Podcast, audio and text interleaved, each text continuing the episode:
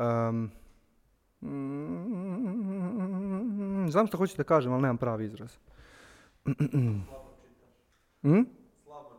Da, da, moram da proširim vokabular.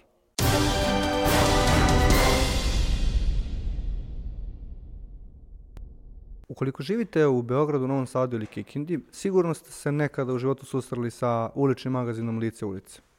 A, možda ste ga kupili, možda samo znate te upečatljive uniforme, to je skeceli koje nose prodavci, sigurno znate nekoga koga redovno čita ili kupuje. Ono što vam sigurno nikada nije palo na pamet je koliko je potrebno različitih ljudi koji svakodnevno ulažu svoje različite veštine u to da jedan ovakav magazin postoji i da način na koji on funkcioniše bude adekvatan pre svega za ljude koji prodaju taj magazin, a to su ljudi koji žive na nekoj vrsti margine, a da to sve takođe bude smisleno i za one koji magazin kupuju i redovno čitaju.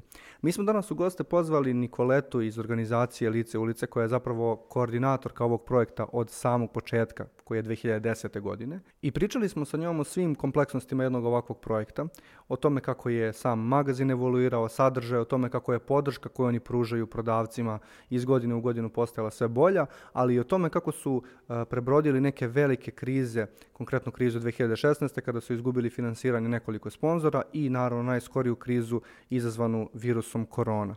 Na kraju krajeva mislim da smo uspeli da objasnimo šta znači ta čuvena fraza kojom se vodi lice ulice, a to je da kupovinom lice ulice a, pomažete drugima, a čitanjem lice ulice pomažete sebi.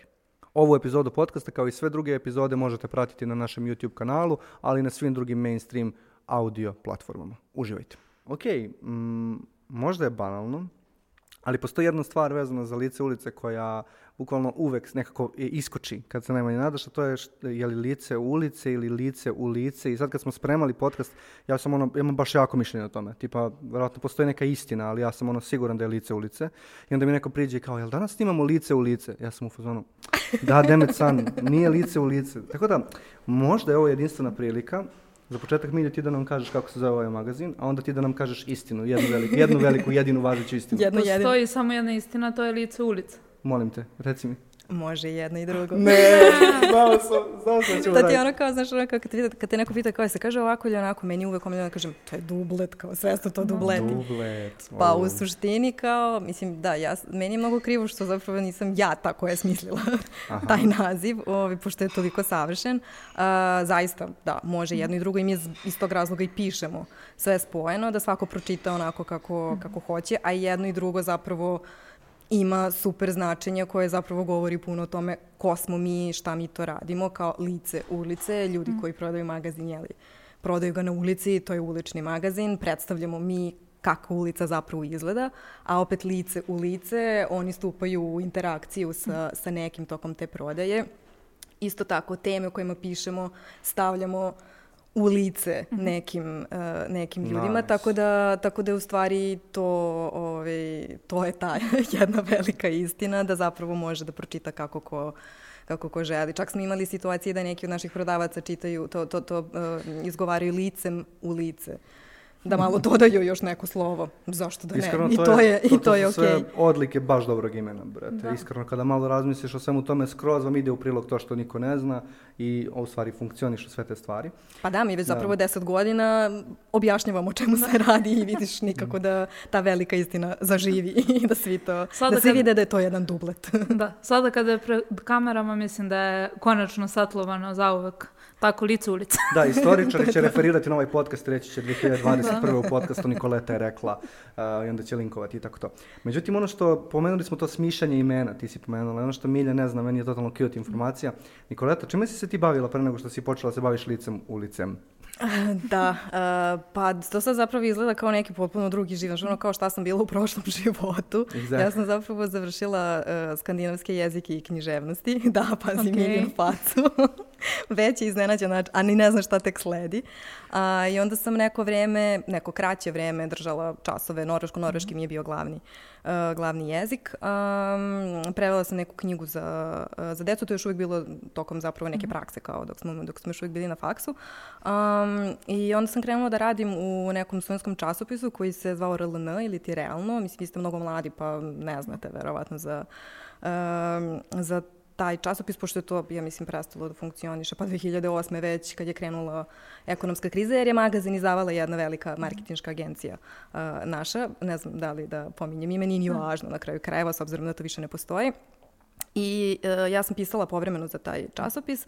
Uh, u nekom trenutku, pre nego što sam, tačno sam tad završavala faks, urednica je odlazila uh, na neku drugu stranu, meni je ponudila, ove, odnosno pre ne preporučila kao ove, nekog ko bi to mogao da, da nastavi da radi. Ja bila oduševljena kao cijeli život želim se bavim novinarstvom, kao super strava važi. Krenem ja to da radim i desi se 2008 i velika kriza i naravno kreću otpuštanja i uh, katovanje različitih projekata i kako, kuda je to sad sve vodilo dalje. Ove, u svakom slučaju, meni direktorka ove, tadašnja te agencije kaže magazin moramo da stopiramo jer kao konstantno smo na pozitivnoj nuli, sad ćemo biti u minusu sigurno, ali kao ne brini za tebe kao ti si super i kao mnogo si vredna i kao super si strava, kao ostaješ kod nas, samo eto vidi jel bi da budeš copywriter ili account ja gledam iz fazona sam, brate, šta je to, kao šta to znači? Googlam copywriter. Bukvalno, i onda kao, znaš, čim imaš kao writer, kao u nazivu, kao, ok, to je neko pisanje, super, to mi ide dobro, kao, account, kakav crni account, šta je to, ja sam kao gledam, kao to su neke računovođe, kao, znaš. I tako ja na slepo kažem, ba, kao, ne, pa ja ću da budem copywriter i onda ja tu kao krenem sa obukom za junior copywritera. I ja sam to radila dobre dve godine. Jeez, nisi imao pojma da je toliko trajalo. Da, da, da, da, da, da. I to je bio onako dosta, pritom u trenutku, je li ti 2008. kad se dešava totalni ono kao raspad sistema u celom svetu. Um, imala sam super tim, stvarno. Mislim, ja sad kao, naravno, otišla sam iz cele te priče jer sam posle dve godine izludela i kao bila sam zona, ja ovo ne mogu. Kao, Što? ne mogu ne da, znam u čemu je problem. ne mogu, ono kao ne vidim smisao u svemu ovome, ne mogu da prodajem maglu, ne mogu ovo, ne mogu ono. Tad, verovali ili ne, digital nije postojao. Pa Znaš, ne, to, to, je, to je ono vreme kao Facebooka kad smo poukovali jedni drugi slali piće jedni drugima. Znaš, kao čak nije bilo ni ono inboxa, kao ja sad kao kad gledam neke svoje memories na, mm -hmm. na, na Facebooku od to kao pre, ne znam, 10 ili koliko god, 10 plus godina, znaš, ono kao bukvalno sam znala šta je ovo, kao ovo su stvari koje ne pišeš na volu, ovo su stvari koje kao, znaš, kao u privatnom komunikaciji s nekim kao ove, da. radiš nebitno ti što sam daleko, u svakom slučaju kao taj advertising tad je izgledao potpuno drugačije, mm -hmm. ove, ali je sve jedno, mislim, kao prosto meni to bilo too much i nekako nisam videla smisao Ove, apsolutno nikakav u tome, šta više, znaš, imala sam onaj, ono, onaj bol u stomaku ujutru kad treba da kreneš na posao i ono si, ja, moram sad idem tamo. I da, eto tako, mislim, ja sam sad iz ona ne bi se vratila u tu priču, pa ne znam ono koje pare neko da mi ponudi i kao koje uslove, jer kad sam davala otkaz, tadašnja direktorka je bila iz fazona kao, jo, pa kaj si sigurna, pa evo reci šta želiš, bukvalno ono kao kakve god uslove kao postaviš, to je to kao, ti nisi ni svesna koliko je ovaj posao zapravo za tebe. Ja sam bila ono, ok, super, hvala, ali ne, hvala ali ne hvala. Tako da da. Mislim, taj posao sigurno jeste između ostalog za tebe, ali ono, neke veštine koje si koristila na tom poslu, si koristila i pre i koristiš danas. Absolutno. I to je sve u redu, ali Absolutno. to ne znači da te moraš ostaneš. Apsolutno, i mislim da ona nije zapravo razumela šta je ono gde ja idem i šta je ono što ću ja zapravo ovaj, da radim, a i prosto eto kao žena se potrudila da zadrži očigledno nekoga s kim je bila zadovoljna u timu, mislim mm. kao I, znaš, koliko god uh, je meni danas, kao iz ove perspektive, taj posao na najgori na svetu, toliko bih, kad bi mogla da se vratim kroz vreme, uvek bih to ponovo ove, ponovo prošla kroz sve to, ja sam stvarno jako puno stvari naučila, radila sam sa fenomenalnim ljudima, zapravo sa nekom ekipom odatle se i dalje družim posle toliko vremena, niko nije ostao u toj priči, neki od njih su i dalje u advertisingu, ali svejedno, kao baš smo ono, ostali prijatelji kao ono forever. Uh, Ove, I stvarno sam jako puno stvari naučila i baš to što si, što si ti rekao, puno tih stvari dan danas primenjujem u svom u svom radu u, u, u ulicu ulice. Mene baš ni malo nije iznenadilo kada sam saznao da si bila copywriterka, to je da si radila u agenciji, da imaš taj agencijaški vibe,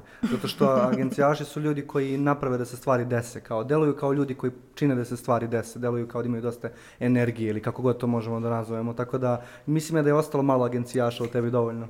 Da, pa ništa, mene si ubedila da dam otkaz. da, da. Ovo je moj poslednji podcast. Ne, ali zanima me, pošto meni, jako su mi privlačna zanimanja koja za cilj imaju neku vrstu podrške, neprofitnosti, da kažemo. A, da li je to svesna odluka koju si donala u smislu, ja više ne želim da moja karijera bude ono, da ide putem profitabilnosti, što je 98% karijera u postkapitalizmu.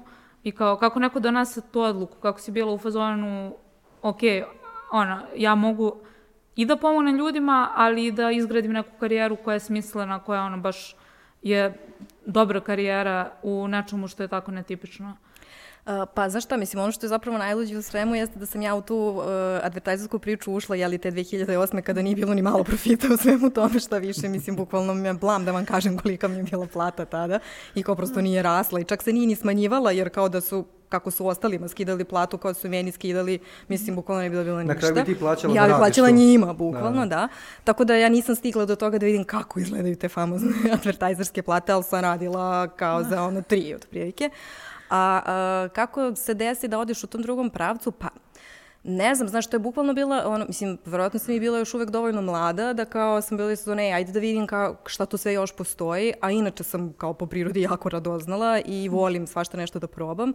Ove, i, I nekako sam htela da vidim kako neke druge stvari izgledaju. Ono što isto potpuno nekako, mislim, sad iz ove perspektive sam se ona ti si mnogo luda zapravo ukoliko si neizvesnost otišla, jer u tom trenutku kada sam ja tamo dala otkaz, ja nisam bila 100% sigurna kako će sve to da izgleda i šta će tu da, da, da, da se dešava, zato što uh, kad je došla do mene informacija da se pokreće neki projekat kao što, uh, što je LUL, to je još uvek bila samo neka ideja, još uvek je bio projekat koalicije nekoliko organizacija i, i, i pojedinaca i mene je tada uh, prijateljica, oni su tražili jednu osobu koja će malo tu da ono, pokupi sad razne stvari sa strane koja će zapravo da bude plaćena i da radi ove, da radi na svakodnevnom mhm. nivou.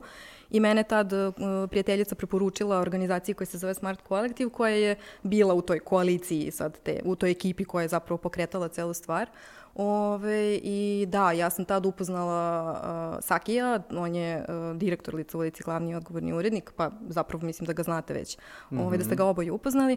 Ove, I to je bilo zapravo, da, ja sam otišla na razgovor, ko je to da vidim o čemu se tu radi, znala sam da je u pitanju neki magazin, da tako nešto slično postoji svuda u svetu. I znala sam da ima neke veze sa uh, radnim angažovanjem uh, marginalizovanih osoba. U tom trenutku je bila priča da će samo mladi koji žive i rade na ulici da prodaju magazin bio kao čoče, pa ovo je ono kao san snova, kao to je zapravo ono što, što ja želim, otišla sam na taj razgovor. A čekaj, izvini, nisi pomislila, ovo će baš biti teško, ovo je nemoguća misija, ne. ko bi žela da se bakće ne, ovim, znači ja bukla... pošto to je takođe legitiman ugao. Apsolutno, apsolutno, ali zato kažem, sad iz ove perspektive bi vjerojatno bila zona ček, ček, ček, ajde da vidim sad šta kako, ne, meni je to bukvalno bilo kao wow, kao tako nešto uopšte postoji kod nas, jer nisam znala ništa zapravo o, ne, o, o civilnom sektoru, o udruženjima građana, o, mislim, ja jesam učestvovala u tim nekim akcijama, tipa studentski protesti, znaš, kao bile su meni poznate razne neke stvari, ali više na nekom tom zdravorazumskom nivou i ono nešto što sam usput na ulici kao kačila, pošto sam jeli provela puno vremena na ulici, na raznoraznim protestima gde i dan danas živim na neki način. Ove, da, i onda sam, kažem, bila sam, ok, ajde idem da, da, da, da upoznam te ljude, da čujem o čemu se tu radi.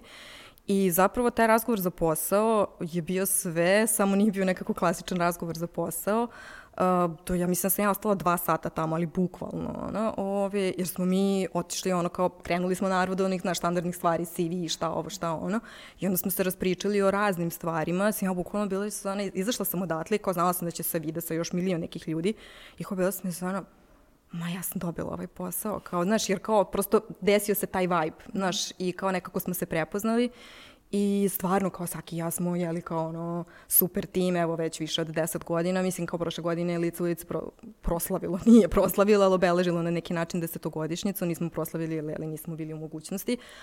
A nas dvoje smo u priči mnogo duže od toga, jer ipak je trajao taj ono, proces pripreme i organizacije svega ovaj, neko, neko vreme. Tako da, znaš, kao nekako mislim da s, ljudi se nađu, znaš, mm. i, i, i nekako imaju neku viziju i svako ima nek, neku svoju viziju očigledno svega toga, ali se to ukrsti i poklopi i kao desi se taj ono magic moment, otkud znam, mm. kao. Znaš, ne stigneš da. da misliš o tome, e, kao od čega ću da živim, čega ću platiti kiriju, kao nešto će se desiti i kao i nešto se desilo, mislim, i dešava se i, i, i, i dan danas i kao, i, i ta, ta stvar, Mislim, pričat ćemo još o tome zapravo šta, šta mi naravno, sve u Lulu radimo, ali kao, znaš, ta, taj moment um, kad radimo to sve što radimo, kao toliko te taj vibe ono drži i gura i kad ti je muka od svega i kad ti je ono naporno i teško, znaš, nekako ima smisla, jer ono pre meni nije imalo nikakvog smisla, znači bukvalno mm. kao ono, znaš, kao ostanem 500 sati preko vremeno i kao bukvalno dođem kući i znači sam, što sam ja bre radila cijeli mm. dan, ono, kao... Mnogo je važno da radiš posao gde osjećaš da to što radiš actually negde odlazi i radi neku razliku i da to, to u stvari osjećaj svrhe, jel tako? Apsolutno, mm. znaš, i nekako kao, znaš, mnogo pre vidiš taj rezultat kao, ali znaš, ne rezultat ono na nivou kao radili smo kampanju, imamo ono, ne znam, billboard, print, ne znam, oglas, ne znam šta, i sad ti vidiš kao spremanje kao ono oglas kao, nego znaš kao ono što vi dobijete kasnije, kao znaš ono neke rezultate kampanje i kao koliko je to imalo ovaj, smisla i efekta i, i, i tako dalje, kao ja to nekako vidim na, na neki potpuno drugačiji način u Lulu i kao mm. kroz kroz taj svakodnevni rad sa ljudima i, i, i, i priče, kao, ulice u stvari, ono, konstantni storytelling u stvari, kao, znaš, kao koji se konstantno dešava i razmenjuje u stvari. To je da te pitam, lice ulice je stvar koju mi koji živimo u Beogradu, mislim ja živim u Beogradu nekih, ne znam, uh, deset godina, tako nešto, uh, bukvalno podrazumemo, svi znaju šta je lice ulice, ako nekome kažeš, e, kupio sam danas lice ulice, niko to neće pogledati kao, ono belo. Međutim, ja sam za vikend bio u Užicu uh mhm. -huh. i pomenuo sam, sedao sam s nekim prijateljima, pomenuo sam da ćemo snimati ovu epizodu i neki od njih e, ne znaju. I bukvalno su bili, šta je to? Pa što sam ja rekao, bit će nam gost Nikoleta iz Lice ulice. Oni kao, šta je to? I onda sam ja shvatio, u stvari sam se uspaničio, zato što sam shvatio da nema šanse ja njima da objasnim. Mislim, ja mogu na tehničkom nivou da objasnim šta je Lice ulice, ali nema šansa da prenesem tu neku količinu dobre volje, količinu, taj neki vibe koji se stvorio oko tog brenda, nećeš mi zameriti lice ulice. Da, da, da.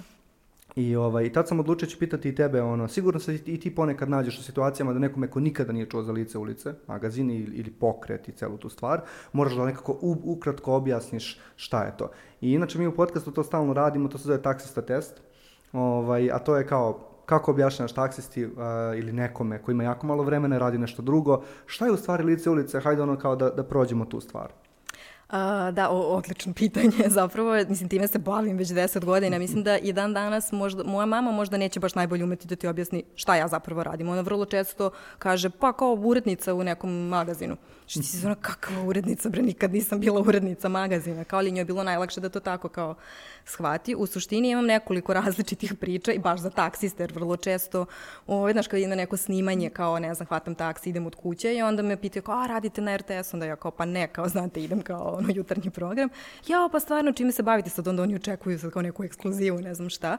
I onda u zavisnosti zapravo od razgovora, kao od nekih tema, kao pre ili o, ne, negde ono umeđu vremenu, kao onda procenim otprilike koliko daleko idem, kao, mm. znaš, ono, nekome kažem da ono radim u organizaciji koja radi sa um, osobama koje dolaze iz marginalizovanih grupa, onda kao šta radite sa njima, pa kao eto imamo radimo različite stvari, pokušavamo da ih ono, ekonomski osnažimo, da im damo mogućnost da zarade, da nauče nešto, da naprave neki korak dalje u svom životu i tako dalje. Nekad pričam baš konkretno o, kao, o, a takođe postoji neki magazin, to je nebitno.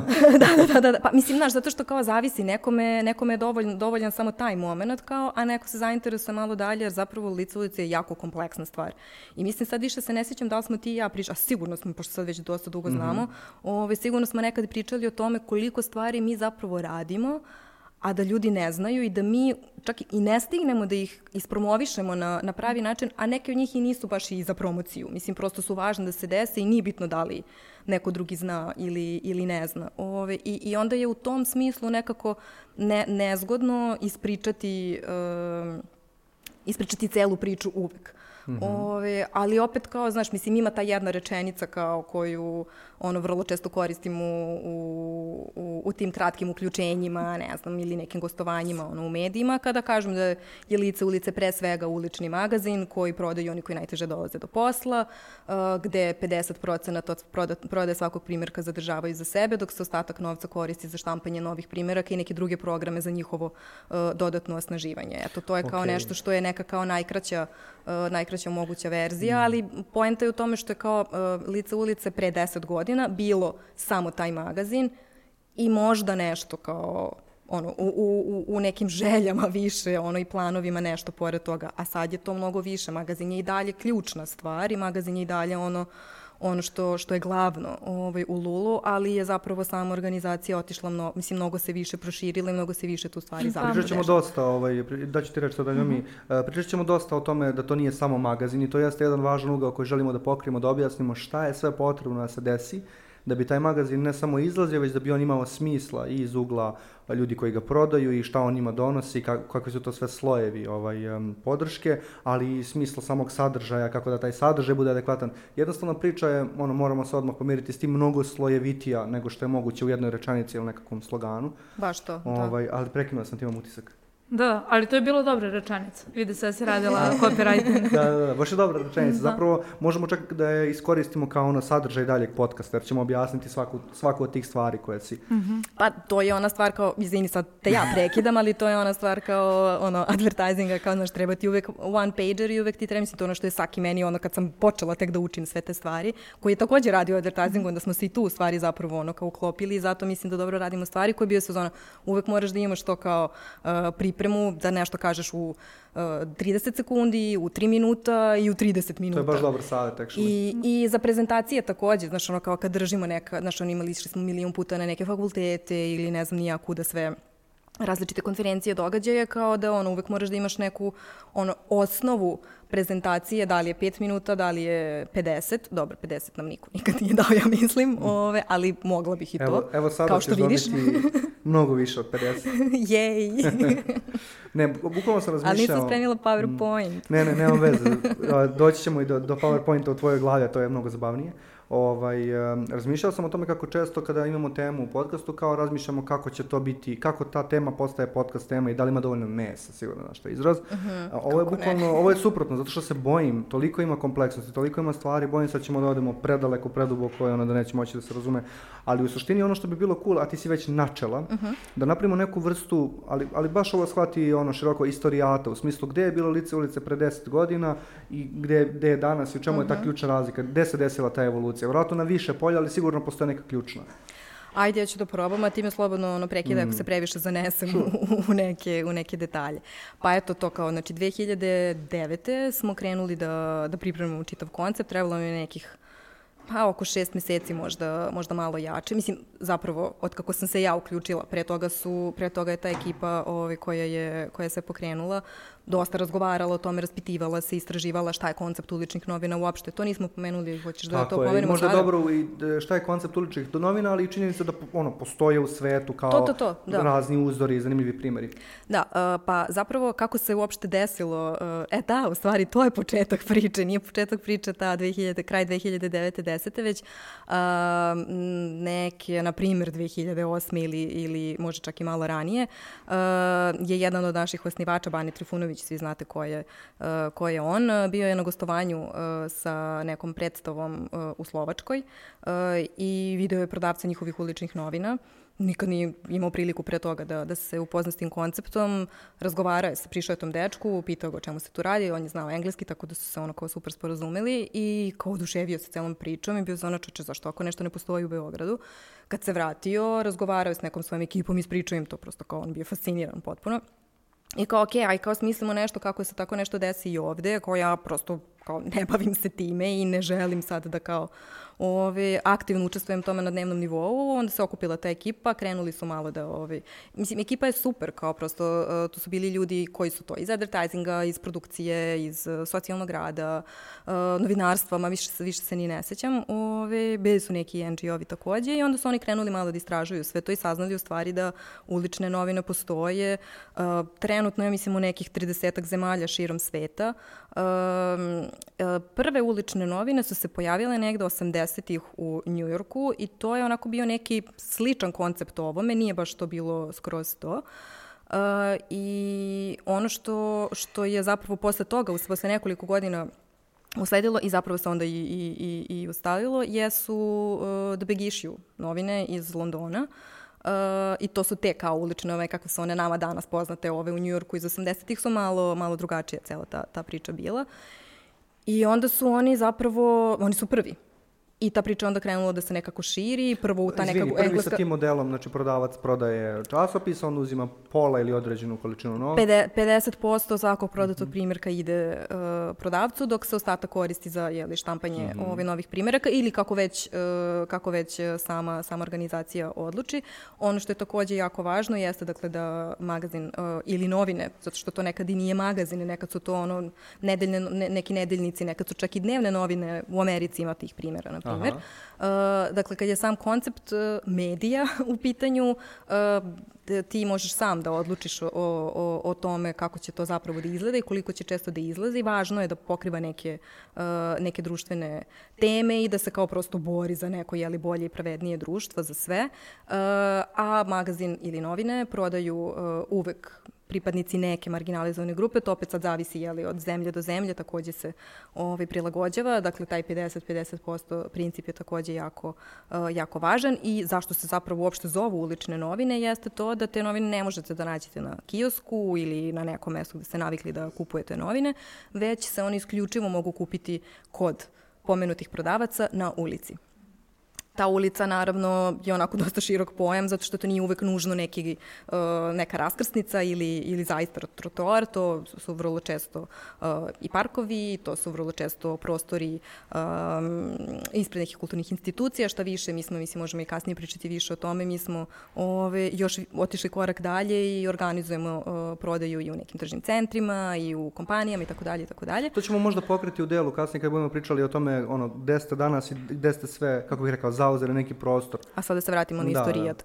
U svakom slučaju, dakle, uh, ulične novine danas ih ima preko 100 uh, i postoji u nekih 30 uh, zemalja širom sveta.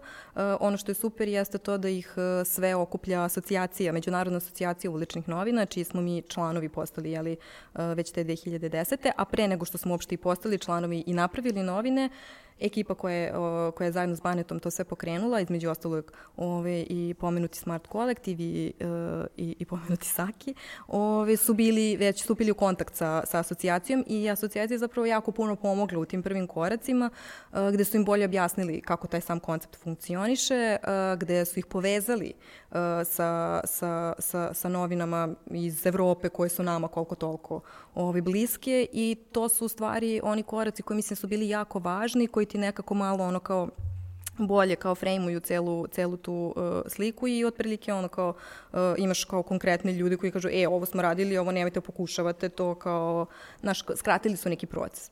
Uh, I da, onda smo jeli, kao krenuli intenzivnije da radimo na, na, na pripremi uh, samog uh, koncepta magazina s jedne strane, s druge strane na razvijanju distributivne mreže. I sad mm -hmm. uh, dogovorili smo se da za početak uh, LUL, uh, LUL je skraćenica, jeli, ove, uh, funkcioniše, kao što sam u nekom trenutku rekla, kao projekat koalicije organizacija i, i, i pojedinaca i onda su se smenjivale te uh, nevladine organizacije koje su deo koalicije, su se smenjivali kao nosioci projekata kad smo pisali Aha Okay. Da, da, da, kad smo uh, pisali projekte i tako dalje, to je funkcionisalo tako recimo neki godinu dana I onda smo uh, krajem 2010. shvatili da je prešizofreno i da kao, znaš, ono čak i kad kao komuniciraš sa medijima, dok ti sad navedeš, mislim, evo ja sad čak nisam ni navela sve i to možda možemo negde, ono kao u nekom trenutku, u nekom opisu podcasta možemo da, u opisu staviti detaljno, da, da, da stavimo, ove, jer kao prosto je puno i organizacije i pojedinaca koji su ove, kao učestvovali u svemu tome i onda, znaš, kao sad kad ti pričaš kao medijima, oni će se uhvatiti za nešto što je njima poznato.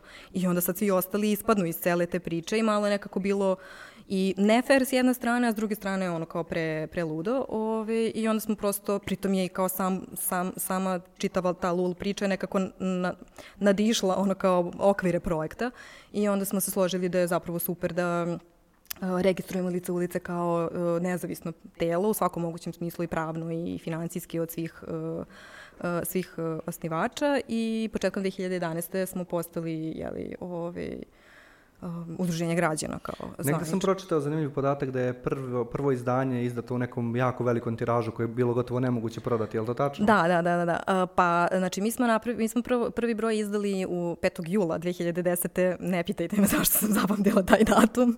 Uh, I pa mislim, kao toliko dugo smo ga spremali, toliko dugo smo ga čekali. Znači, ono kao, pritom kad praviš kao mediju, kako god smo mi se složili oko toga kako bi to trebalo da izgleda, znači, kao nekako si ono, ok, kao kad je taj trenutak kad kažeš što je to, kao idemo u štampu.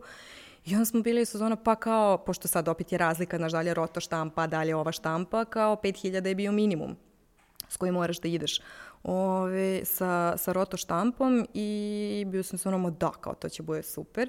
I odštampali smo tih 5000 primjeraka, a imali smo, na primjer, tad troje, četvoro prodavaca i to su za početak, kao što sam i pomenula na početku, bili uh, klinci iz uh, sratišta uh, za, za decu ulice, oni koji imaju preko 16 godina, to je bilo jako važno da uopšte kao mogu, mogu da rade.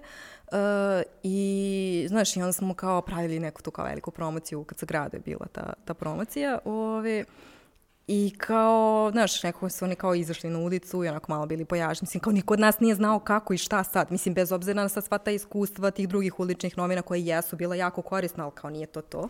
Da, mene nekako... to zanima... Uh, Zato što sad svi znaju za, za lice ulice, to je već brand, ono, kao u Beogradu, u Novom Sadu, gde, pa i verovatno i u drugim gradovima dosta ljudi je bar čulo. A, a istovremeno 2010. to bio prvi ulični magazin konceptualno u Srbiji. Kao kako, kako su uopšte ljudi a, u tim prvim danima sa prvim brojevima reagovali na to? Pa, u smislu ti vidiš sada nekoga na ulici i znaš, ok, lice ulice, prodavac, jasno ti je šta se dešava.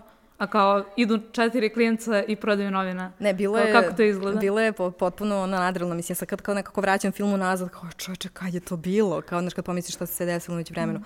Pa tu dolazimo do tog advertising momenta koji je bio jako, o, jako bitan. Mislim, mi jesmo kao imali neku ono pripremljenu kao PR strategiju ili šta već, ali, znaš, išli smo tom logikom kao opriče strava. Ovo nema šanse, kao, znaš, ono prosto, ko što ne bi neko kupio magazin, kao, i nove stvari, kao, ono, super je, super je sve. Međutim, onda shvatiš da nije baš tako lako doći zapravo do ljudi, da nije tako lako ni prići nekome i objasniti mm. ovo ukratko o čemu se radi kad ljudi ne znaju šta je to. Mm. I onda smo shvatili da moramo da pojačamo taj PR, pritom to kao mi u tom trenutku nemamo para, mislim kao imamo neki minimum para s, kojima, s kojim smo odštampali magazin i imamo za te neke bedne plate, jednu bednu platu, mislim kao. Ali ne, pazi, ne samo da ne znaju šta je, nego sigurno sam da su postojali negativne predrasude u smislu kao ljudi su navikli na ulici, da nisu navikli da, to je druga da, imaju takve da. interakcije. Apsolutno, da. posebno što ti na ulici kao imaš ono raznih situacija, kao ove razglednice, um, ovi programi, ne znam šta, i sad kao nešto toga je fake, nešto nije kao, ali prosto to kao ono, ljudi su nepoverljivi i kao i prevareni su milion puta i ja mogu da ih razumem.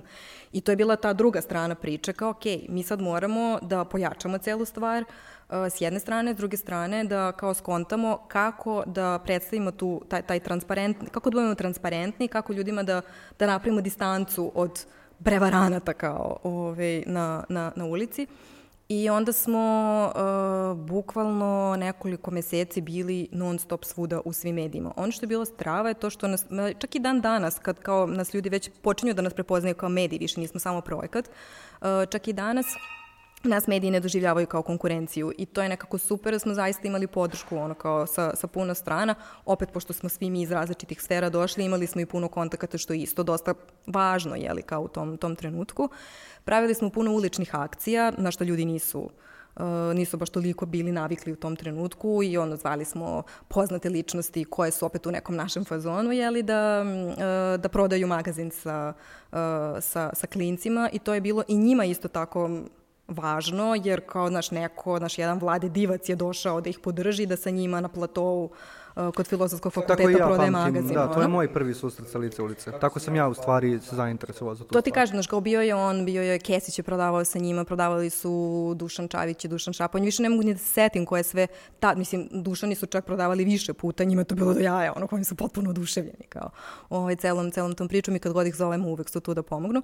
I to je onako bila, znaš, onako dvosmerna ovaj, uh, uh, situacija gde kao, ono, s jedne strane smo uspevali da stignemo do ljudi, što neko vidi ono kao divca da šeta po knezu, svi trče da vide čemu se radi, a opet to kao imaš i kamere i svašta nešto, a sa druge strane opet imaš i taj benefit kao, ono, kao od strane klinaca koji su ono, čeke kao ono, vidi ko je došao da kao s nama, da nas podrži, kao to je njima bilo, ono, pa mislim meni je bilo kao, znaš, dobar dan, znaš kao, ove, i stvarno, su svi ti ljudi jako puno po pomogli, a opet i ti mediji, ja mislim da ono ko smo, svi mi koji smo u tom trenutku učestvovali, uh, bili, ja ne znam, svaki drugi dan u nekom jutarnjem programu ili negde, ono kao u medijima mm. i isto tako stalno pričali o tom 50-50% principu. E da, tu smo se isto, to isto mislim da je dosta važno, a možda i vama zanimljivo zbog onoga čime se bavite.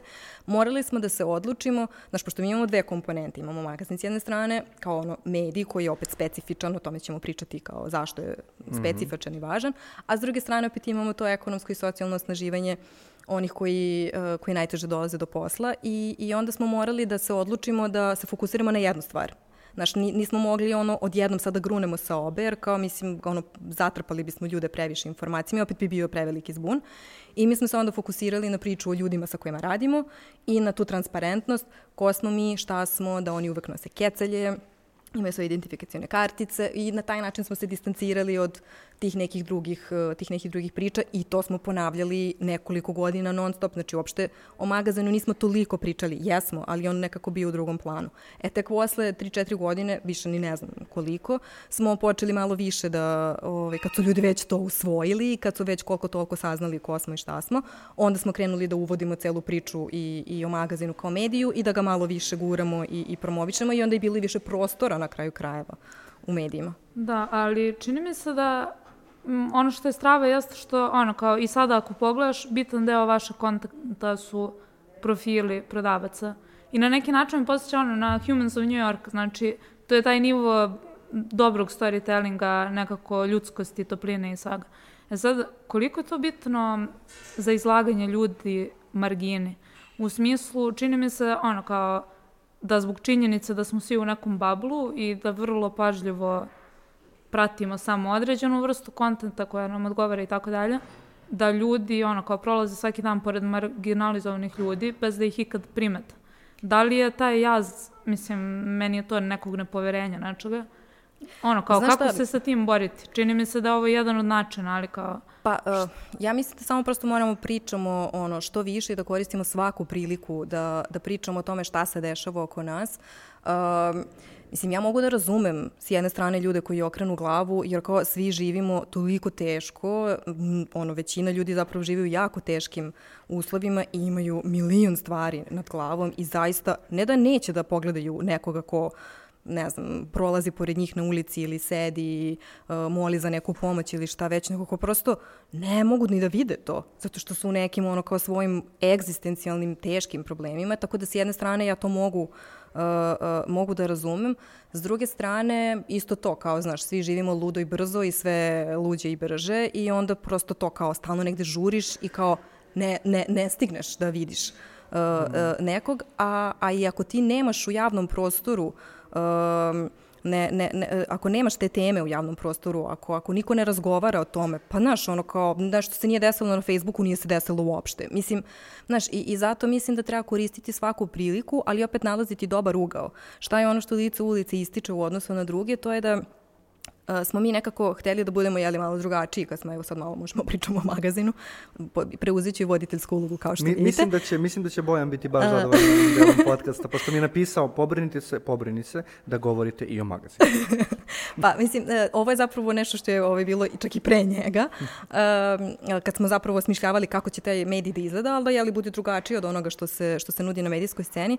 Uh, jako nam je bio taj, važan taj, taj ugao nekih pozitivnih primjera. Znaš, da, da ne produbljujemo tu rupu u kojoj se svi nalazimo i da samo kritikujemo, a ne dajemo neka rešenja i da ne kažemo, e, ok, ovo je katastrofa, ali evo, vidite, ovi ljudi to i to rade i super su i ovo nešto menja, pravi neku, neku promenu. I, I onda čak i kada pišemo kada, prvo kad pišemo našim, našim uh, prodavcima, nikad to ne radimo ukoliko oni to ne žele, naravno. Uh, Uh, uvek ih pitamo da li neki su raspoloženi, neki nisu i to je sasvim, sasvim ok. Kada uradimo tu priču, proverimo sa njima da li je novinar ili novinarka to o, dobro uradila, da li je dobro razumela i tako dalje. Mislim da, da, da je to isto dosta, dosta, dosta važno.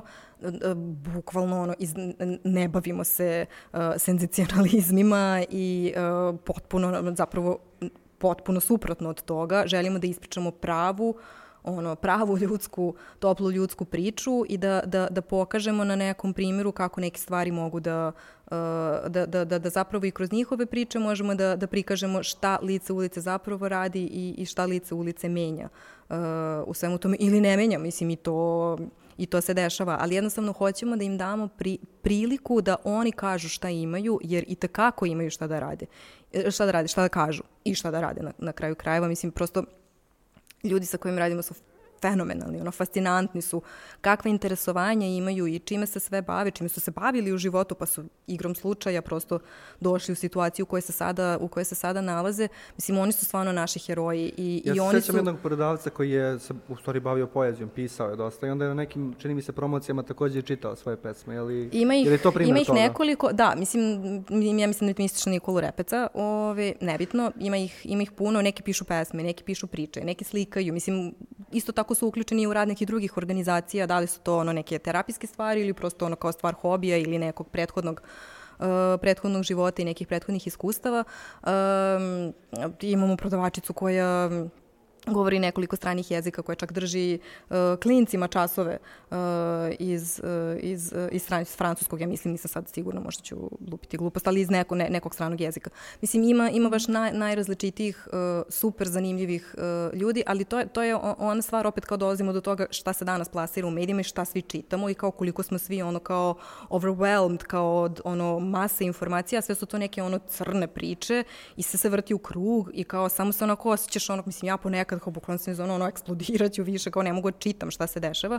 Znaš, kao Lul ti daje neku drugu perspektivu i, i, i, i pokušavamo da ono kao stvarno damo prostor ljudima koji nemaju taj prostor u drugim medijima i, i da kao prosto pravimo neke naše celebritije i neke, neke naše heroje, jer kao, znaš, svi ostali kao prosto imaju toliko prostora na nekom drugom mestu, mi mislimo da neki drugi ljudi zaslužuju da, mnogo više mesta. Da, ali takođe vi imate pravo da pričate o tome jer ste vi aktivno, aktivno se bavite tim istim ljudima i pružate im tu aktivnu podršku, o čemu ćemo baš dosta pričati, jer mislim da je ovo najčešće previđen deo cele priče za lice ulice u smislu da, magazin, da, vi ste neki organizovani ljudi koji se pobrinete da to bude odštampano i tako dalje, ali sva ta nevidljiva podrška koja se dešava u pozadini, o kojoj ponešto i znam, kao što je ono, individualni rad i grupni rad sa prodavcima, osnaživanje u smislu nekih edukacija, edukacija i tako dalje, u stvari bez toga to uopšte ne bi moglo da funkcioniše i to uopšte ne bi imalo nikakvog smisla. Mislim. Apsolutno, apsolutno, to je ključ svega. Mislim, znaš, kao prosto puno ljudi se iznene, pa ljudi koji je kao ja, znaš, je vjerojatno si se i ti iznenadio u nekom trenutku kad si čuo zapravo šta mi sve tu radimo, da. jer znaš, kao ljudi koji su meni bliski, koji kao, vrlo, ja sam mislila da vrlo dobro znaju šta mi radimo,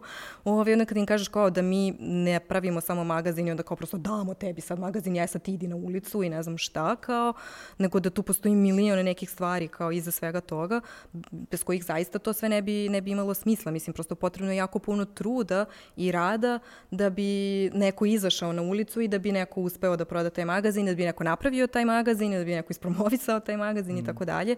Mislim, prosto je ono to ono kao ozbiljna, ozbiljna priča. Kako izgleda recimo indukcija novog prodavca? Za početak, ko može da vam se javi uopšte da bude prodavac i onda šta se desi sve pre nego što izađe na ulicu? I šta se desi nakon što izađe na ulicu? E, sad, sad mogu opet malo da se kao vratimo taj mm -hmm. istorijat, pošto smo nekako iskočili ove, iz njega, ali kao ne, okay, to, može sa mnom je to potpuno ono kao očekivana stvar. Ove, kad smo krenuli, rekla sam da, su, da smo radili samo sa mladima uh, koji žive i rade na ulici, jer kao eto nekako smo bili sve najde da kao se fokusiramo na neku grupu ljudi za koje se nama činilo da prosto, to, ne činilo, nego prosto je bilo jasno da u tom trenutku pa i dan danas nema, uh, nema puno prostora, šta više kao nema, nema puno mogućnosti.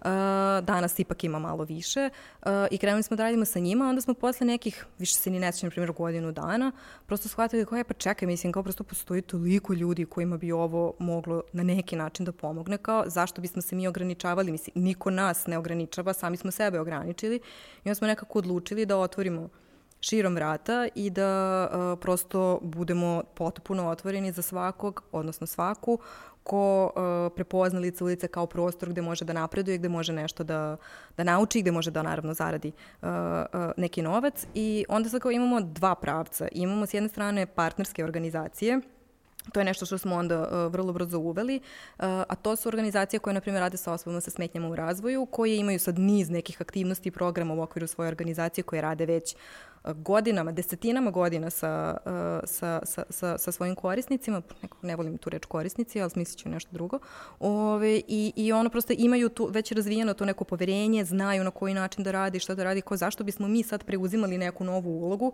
kao hajde prosto da napravimo neko partnerstvo i da oni prosto kao organizacija budu naš partner, a njihovi korisnici mogu da, da, da prodaju magazin uh, kao jednu od uh, tih svojih sporednih aktivnosti, kao neko, neku dodat, dodat, dodatni način osnaživanja.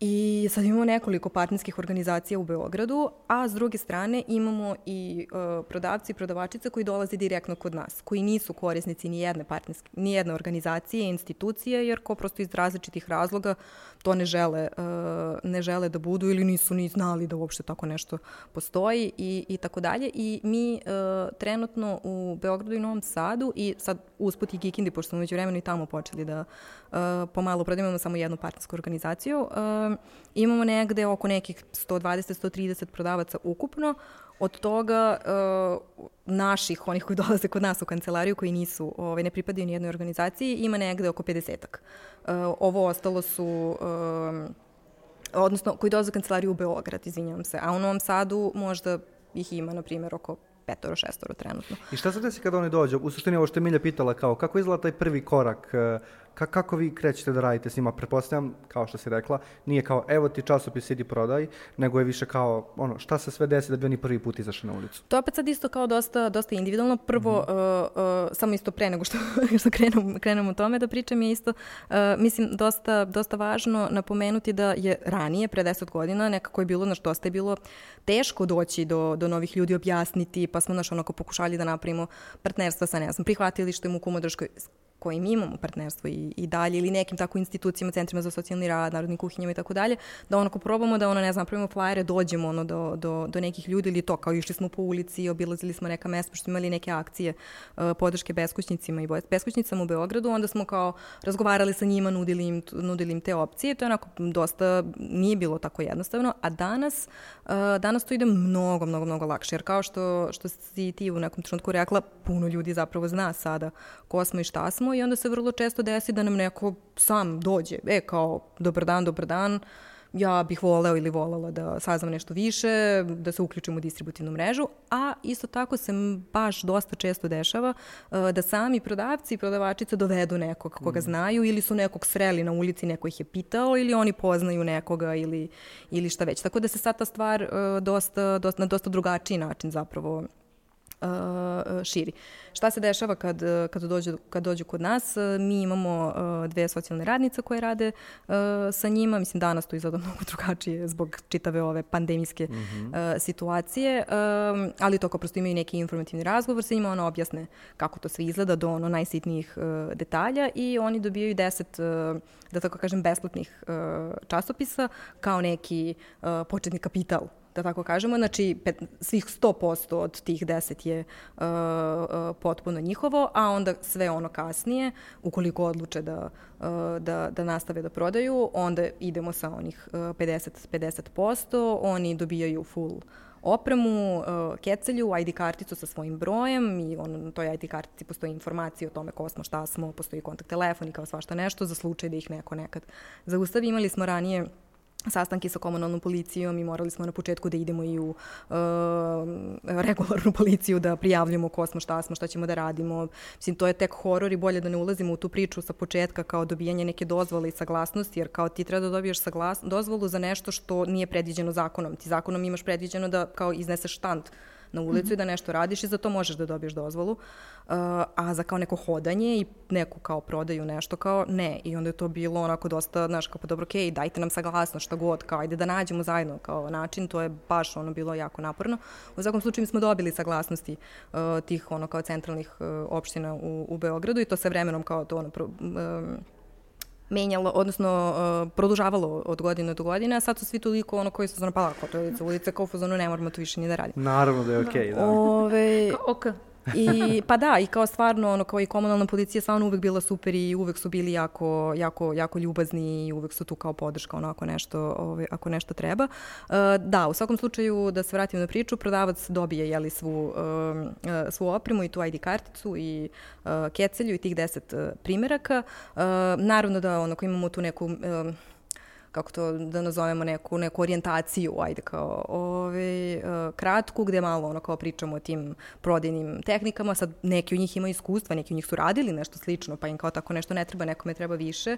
Izlaze vrlo često uh, uh, probno sa nekim od prodavaca koji su već dobri i uspešni u svemu tome. Imamo i te neke terenske uh, aktivnosti gde, gde naše socijalne radnice izlaze uh, uh, na ulicu, ukoliko se neko ne snalazi, baš ne idemo najbolje, onda one provedu neko vreme sa njim ili sa njom, obilaze češće i tako dalje. Ono što isto jako važno jeste da imamo čitav razrađen sistem uh, hotspotova ili ti lokacija uh, na kojima uh, prodavci prodaju. Dakle, ne možeš da ideš gde god ti padne na pamet, jer mislim ranije kad nismo to imali je onako bilo i raznih situacija što je sad on došao ovde, a to je moje, a nije, a ko je kad gde otišao. I sad nekako svako ima ovaj, neku, neku svoju lokaciju. Naravno da se te stvari usput i menjaju, ali je nekako mm. jako važno da nekako imamo tu neku zdravu konkurenciju, da to tako nazovemo, da oni sebe vide kao kolege, a ne sad kao neko kako će da im ono oduzme m, njihovo mesto ili njihove, njegove ili njene mušterije i tako dalje, a isto se pokazalo kao dobrim da uh, uh, kupci uh, vole da, da razvijaju odnos sa osobom koja je kod je. njih uh, Sad sam baš to htio da ili, kažem, da, da. Ili šta već. Oni imaju toliko različite stilove, čak u, u tom nekom prodajnom smislu Tako i je. ljudi se vezuju za konkretne prodavce. Ja znam ljude koji uvek kupuju kod isti. Pa da, i to je nešto što mi prosto, znaš, ne želimo da, da, da ono kao ukidamo, mislim, kao zaista je, stvarno je super, jer, znaš, ti ćeš, na primjer, ne znam, kao da kupiš kod Svetlane magazin uh, kod Radio Beograda danas, sutra ćeš da je sretneš, nećeš kupiti magazin, ali ćeš je pozdraviti, pitaćeš mm. je kako je, znaš, kao prosto razmenit ćete nešto nešto, ono kao, neki su, ono, mislim, ne mogu da kažem da su postali prijatelji, kao, ali onako jako dobri poznanici, kao sa, mm. uh, čak nam se desilo par puta da nam neki ljudi pišu i kao je, kao nisam dugo video tog i tog prodavca na toj toj lokaciji, jel sve okej, okay? eto kao, volao bih ili volao bih da znam kako je, znaš, tako da su te stvari jako važne, u svakom slučaju uh, postoji taj neki kao period, zavisi opet isto koliko kome treba od prodavaca da isproba sve to da vidi da li njemu ili njoj to odgovara uh, i kako to funkcioniše i uh, isto tako onda kasnije organi. Organi zajemajo različite vrste treninga, radionica, uh, eh, dalje k pitanju. Um, asertivna komunikacija, uh, sama prodaja, um, komunikacija i tako dalje. Imamo, kao što si, što si ti u nekom trenutku pomenuo, i te grupne, grupe sa psihologom imamo taj neki individualni savjetodavni rad, imamo tu taj, taj svakodnevna psihosocijalna podrška, kako mi to projektno zovemo, moramo smislimo nešto malo, ovaj, malo Ozbiljno. razumljivije. Ove, jeste to da, dakle, oni svakog dana mogu da dođu u kancelariju da uzmu nove magazine i da kao prosto porazgovaraju ako imaju neku, neku situaciju ili problem. Mi uh, uh, imamo puno partnerskih organizacija, ne ovih koji prodaju magazin, već koje nam pomažu na druge načine da li je nekome potrebna neka pravna podrška ili ne znam, treba da izadi ličnu kartu ili tako neke stvari onda ih preusmeravamo na povezujemo sa tim organizacijama, vrlo često odlazimo sa, njih, sa njima kod, uh, kod tih organizacija i tako dalje. Uh, znaš, ako imaju potrebu prosto da podele nešto, da porazgovaraju, da uh, se posavetuju oko najrazličitih stvari. Pomagali smo mnogima i oko toga da nađu neki bolji smešta i slično. Mislim, to je ne, nešto što je onako dosta ozbiljna stvar i zahteva jako puno i resursa i vremena i nešto čime planiramo više da se bavimo u budućnosti. Sad je to onako bukvalno od, od, od slučaja, od slučaja do slučaja, to bi moglo da, da bude dosta um, dosta dobro organizovano, ono kao jedna ozbiljna vrsta podrške koju, bi, koju bismo voleli zapravo da, da razvijemo i tako dalje. Dakle, postoji jako, mm. puno, jako puno stvari koje mi uh, kasnije radimo sa njima, ali opet kažem, oni su ti koji odlučuju o tome koliko često će da rade, kada će da izlaze na ulicu, dogovaramo se, kažem, oko tih lokacija ili ukoliko imamo, ne znam, dogovoren odlazak da prodaju magazin u, ne znam, konkretno nekom tržnom centru, pošto sa tržnim centrom to unapred dogovaramo i potvrđujemo, onda moraju da se pojave u to vreme. A ako izlaze na ulicu na svoju lokaciju, naravno da mogu da, uh, da, da odlučuju o tome. Dakle, dosta su samostalni u svemu tome a opet s druge strane imaju, imaju našu podršku kada, kada god i koliko god je to, koliko god je to moguće. A koliko dugo u proseku, pošto znam da neki prodavci su dugo sa vama, uh, koliko u proseku ljudi se zadržavaju na, na samom poslu? Zato što treba, ono, kao ovo je na neki način i osnaživanje, vjerojatno i prvi korak sa kao ono, uh, inkluzije nazad i tako. I da li kada ono, i kada, da kažemo, završe posao, Mada je to više neki ono partnerski odnos, nije, nije baš klasičan posao. Da, da, koliko da. ostaju uključeni prosto u vaše aktivnosti, koliko je to zajednica, da ono, pored tih uh, aktivnosti koje im nudite, da li su ljudi zaista formirali oko vas neku zajednicu koja ono, Apsolutno, apsolutno. Mislim, e, opet i to naravno sve zavisi i dosta i individualno. Mi imamo prodavce koji su tu od samog početka, imamo neki koji su zaista mm. 10 godina sve vreme vrlo aktivno sa nama. Imamo neke koji su bili neko vreme pa su otišli, pa su se vratili.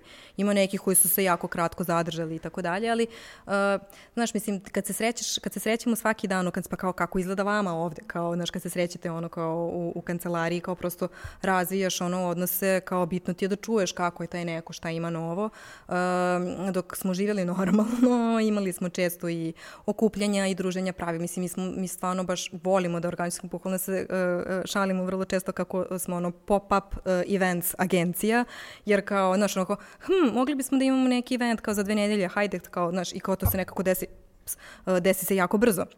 Uh, da li je u pitanju neka ulična akcija? I mi isto tako kao uh, redakcija izlazimo s vremena na vreme sa njima u prodaju jer je nama važno da vidimo kako izgleda taj život uh, na ulici, da oni nas nauče ono u čemu su oni najbolji i da provedemo neko vreme zajedno.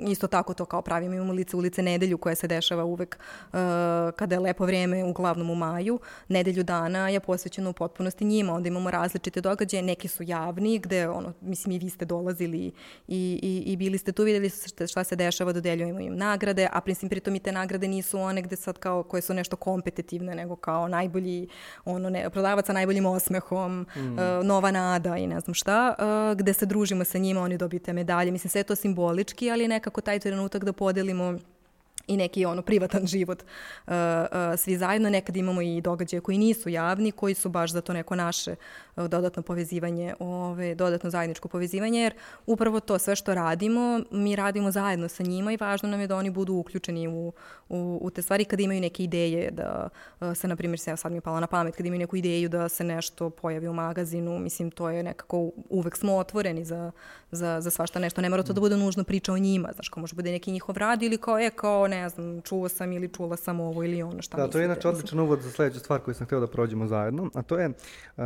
ti si upravo uradila odličan posao u tome da objasniš koliko, koliko lice ulice nije samo magazin. I mislim da smo to definitivno pokrili, ovaj, koliko je zapravo ta cela nevidljiva stvar koja se dešava važna. Ali hajde na trenutak da se pravimo da to nije bitno i da pričamo samo o magazinu. To, ovo, je, ovo će tebi možda biti čudno, ali moj utisak je da je to ono toliko preveđena stvar koliko je to u stvari jedan dobar magazin. I ljudi bukvalno kupuju, ja znam ljude koji su ono misleći ljudi, pametni ljudi koji kupuju lice ulice, ali ga ne čitaju. Jer jednostavno da, da. nikad nisu prezupčili da je to stvarno kvalitetan magazin. Njima je dovoljno što ga kupe. I u stvari, uh, ti ćeš mi pomoći, mrzim da parafraziram, a ti znaš na pamet, kako ide, kako ide taj, um, taj kao slogan, ajde recimo, šta radiš kada kupuješ lice ulice, šta radiš kada ga čitaš? Kupujući lice ulice pomažete mnogima, čitajući lice ulice pomažete sebi. Interesuje me taj drugi deo. Šta u stvari to znači? Kakav je magazin lice ulice? Kakvim temama se bavi? Ko, ko za njega piše? Uh, da, to je nešto što sam možda onako usput, uh, mm. usput okačila kad smo, kad smo kretali sa, sa celom tom pričom, nekako smo hteli da napravimo dakle, nešto što ne postoji uh, kod nas na, na medijskoj sceni i da se bavimo temama koje drugima nisu zanimljive, dovoljno seksi, šta god, uh, a koje su važne svima nama uh, i da nekako nađemo neki, neki poseban ugao kako ćemo da ih, da ih, da ih predstavimo. I čini mi se, znaš, mislim, i, i sam magazin se menjao vremenom. I mislim, ti kad vidiš ono kao kako izgledao prvi broj pre 10 godina i kako izgleda magazin danas, i vizuelno i sadržinski se on dosta menjao, ali nije otišao uh, dalje od tih, uh, mislim, samo se prosto unapređivao, jeli, kao nije otišao dalje od tih nekih početnih uh, početnih ideja. Uh, ono što ljudi vrlo često umeju da kažu pre nego što pređem ja na konkretno, uh, što vrlo često umeju da kažu jeste da, uh, da on, uh, znaš, kao ima i tu neku edukativnu svrhu i kao da, da ga mnogi čitaju sa, sa olovkom u ruci, znaš, i vraćaju mu se uh, često, jer, uh, znaš, koliko god smo se mi, na primjer, sad u ovom prethodnom broju bavili temom zagađenja vazduha, koja je aktualna danas, mislim, ona će biti aktualna i za godinu dana, sigurno, mislim, i, da, i, i, i bila je aktualna i pre, pre dve godine, možda ne toliko kao, uh, kao danas, ali znaš, i, i, i bavimo se time iz neke perspektive gde ćeš ti te tekstove moći da čitaš i za godinu dana i bit će ti jednako zanimljivi. Znaš, nije toliko bitna aktuelnost sama. Da, jeste možda sada aktuelan trenutak, jeli, kao kad svi mislimo o tom vazduhu jer ga vidimo, ali, ali znaš, kao prosto način na, kom, na koji mi prilazimo toj temi je malo drugačiji. Kao pokušavamo da otvorimo neke nove prostore, neke nove debate, da damo prostor nekim ljudima koji nemaju prostor u javnim medijima, da li su to aktivisti, uh, profesori, um, studenti, nebitno nek su ono ko nek nisu neki stručnjaci, ali kao prosto ono žele nešto da kažu, bave se nečim, jako im je to važno, uh, trudimo se da damo, da damo svima prostor. Izvini, samo imamo... kratko, možda nije potpuno očigledno iz svega što si rekla, ja mislim da je donekle važno iz ugla čitalaca svaki broj ima neku centralnu temu, recimo. Da, to sam sad htjela, to sam sad htjela da kažem. Dakle, uh, svaki broj ima kao temu broja, kao što je sad, kako, kako sam rekla, bila uh, u prošlom broju tema zagađenja vazduha i to pokriva nekih 30%, na primjer, uh, samog magazina i naslovnica je uglavnom vezana za za tu temu. U poslednjih nekoliko godina uvek imamo i tu kao neku rečenicu na naslovnici, jer kao sad ne znam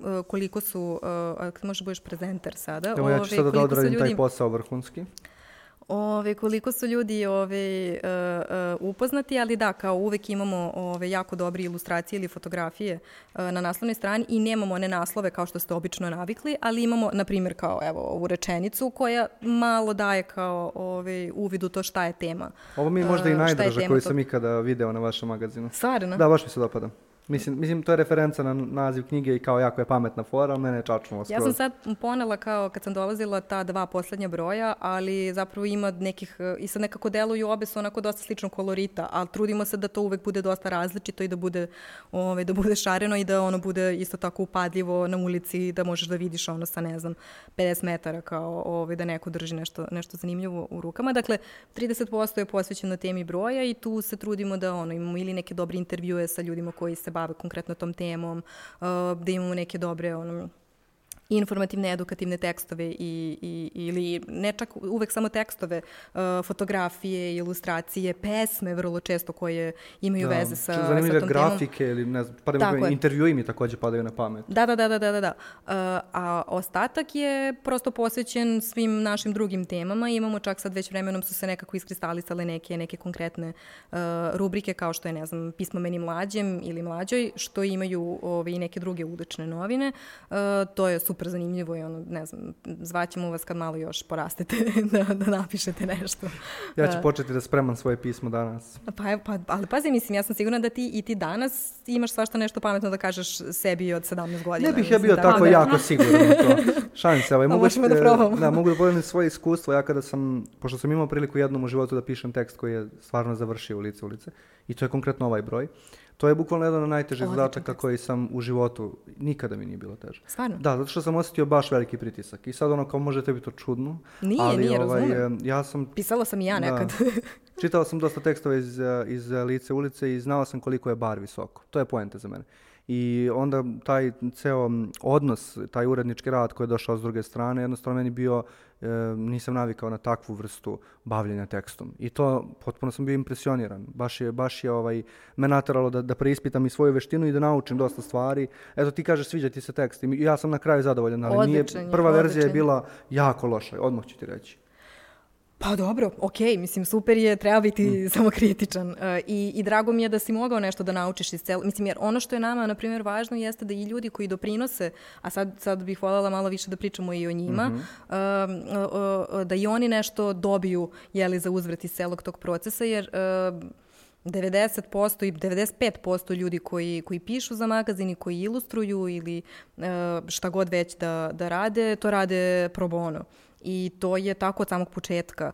Uh, I u najvećem broju slučajeva to je tako zato što oni insistiraju na tome. Mislim, mi čak i kad imamo novac za tako nešto kroz različite projekte i slično, uh, ljudi prosto odbijaju jer su iz sezona to kao zašto ja ne bih mogao, to je, to je moj način da ja doprinesem toj priči, da budem deo te priče, da ok, kupit ću magazin kada sretnem prodavca ili ću se pretplatiti ili donirati s vremena na vreme, ali kao prosto ako se bavim nekom temom kao što se ti baviš temom u kojoj si pisao i, i veliki si stručnjak za tako nešto, zašto ne bi podelio svoje svoje znanje i, i na kraju krajeva i ti dobio nešto za uzvrat i je naučio kako se piše dobar tekst. Nema, dobiješ ti za uzvrat svakako kao saradnik. Mislim da u, sama I, činjenica da staješ iza toga da učestvuješ u tome je već satisfakcija. Upravo to. Sebi. I ono što smo, što smo pričali u nekom trenutku danas ili uh, nekad ranije, više, više se ni ne sjećam, ovaj, jeste to da, uh, baš kad su u pitanju naslovnice konkretno, svaku našu naslovnicu radi uh, nova ilustratorka ili ilustrator, fotograf ili um, naša kreativna direktorka, kako god, uvek je neka, neka nova, nova, ili grupa autora i to se, to se isto dešavalo ranije. Znači, e, za, danas je, ne znam koji je danas dan, nebitno za, e, za koji dan izlazi 70. broj magazina. Dakle, za tih 70 brojeva možda su se dva, tri puta ponovila neka, neka imena ljudi koji su... Uh, Pritom to su neka poznata su, imena. Ono, tako kao... je, to su, to su, to su poznata, uh, poznati dizajneri, dizajnerke iz regiona, ne, mm. ne čak uh, samo, samo iz Srbije i ono što je nekako super jeste što, znaš, se dešava kad ih mi kontaktiramo, uh, da ono budu isto znala kao čekaj, kao stvarno, kao baš će mi biti čast da to uradim, uh, ili uh, se isto tako dešava da nam pišu i budu isto zona, e, kao nama je, meni je mnogo strava ovo što vi radite jel kao prosto postoji tu neki prostor da radimo nešto zajedno. I nekad to budu naslovne strane, nekad su to ilustracije za magazine, nekad se to i nastavi. I mnogi od njih, mislim, zapravo svi ljudi koji su na neki način doprineli uh, razvoju cele ove priče su i dalje tu negde.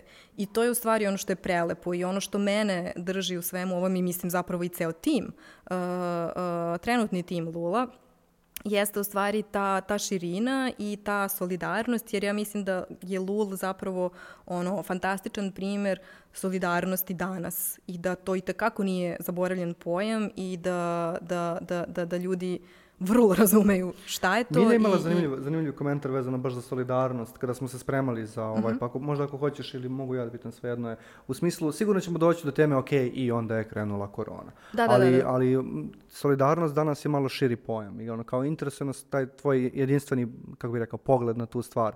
Da li ti misliš, ovo će sad zvuči jako podnastavljeno, da li misliš da smo manje solidarni ili više solidarni nego ranije i po čemu ti to gledaš, kako ti to meriš? Pa znaš šta, ja mogu to samo da merim kroz, uh, kroz lice ulice zapravo mm -hmm. i mislim, ok, mogu da merim i kroz neke ovako kao interakcije, ono kao nešto što primećujem sa strane. Uh, ja mislim da jesmo više, uh, da jesmo više solidarni i da se više, bar je to iskustvo Lula, da se više okrećemo jedni drugima, da manje okrećemo glavu uh, jedni od drugih. Uh, da li je sad kao to splet okolnosti što kao prosto svet u kom živimo postaje još komplikovaniji uh, i da, da, da je sve više problema koji su ono, vidljivi i konkretni tu pred nama. Znaš, nije to sad kao, znaš, neko kao globalno zagrevanje tamo negde, kao ne, kao evo ga tu je, kao vidiš taj vazduh, ono kao, znaš, kao, kao ah, taj kapitalizam je kriv za sve, kao pa da, opet taj vazduh, kao ono, ljudi su siromašni, kao ono, država je siromašna i kao ne može da tako lako reši neke stvari i tako dalje. Um, uh, uh, Lul je bukvalno, mislim sad će ovo zvuči patetično, ali zaista kao neka velika porodica. I, i u situacijama kada, mislim, dešavale su situacije i pre korone, mislim, kao koje, koje možemo da pomenemo gde smo bili u nekim ozbiljnim financijskim krizama, ne znam, previše smo se oslonili na neke projekte, projekti su nestali, nisu se desili iz različitih razloga i kao, ok, šta ćemo radimo, nemamo, nemamo čega štampamo novi broj. I, i, i da pokrijemo sve ostalo i kao tu su uh, zapravo na scenu uvek stupali naši ljudi. I, I prvi put kad nam se to desilo, ja sam bila potpuno, ono, ja sam bukvalno bila zona, čekaj, sve stvarno dešava. Či vi ne možete da verujete koja je to količina ljubavi stizala sa svih strana. O kom periodu govorimo? Kada je bila ta čuvena akcija? Mislim, znam, znam čuvena, čemu idemo. Čuvena finansijska da. kriza, da. uh, do duše bila dosta manja nego prošlogodišnja, ali naravno nismo imali pandemiju. To je bilo 2016. Mm -hmm. u avgustu.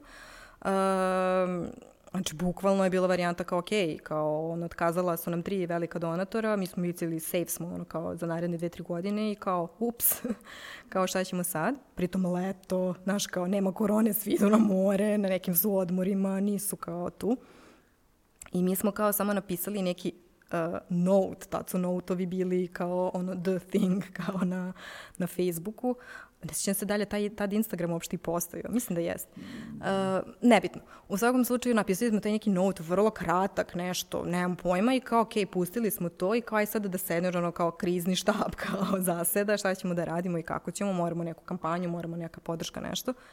I kao taj note je postao viralan, ono, u roku od, ne znam, pola, mi nismo stigli da primetimo to jer smo bili na kriznom štabu, u ovoj zasedanju kriznog štaba, Uh, I onda su krenuli da zvone telefoni i uh, naredne dve nedelje su bile nadrealne. Mi smo sedeli u kancelariji svaki dan po cijeli dan, uh, pravili razne, uh, pro, mislim, to to je preraslo u neku crowdfunding kampanju kad nismo ni znali šta je crowdfunding da, da. zapravo.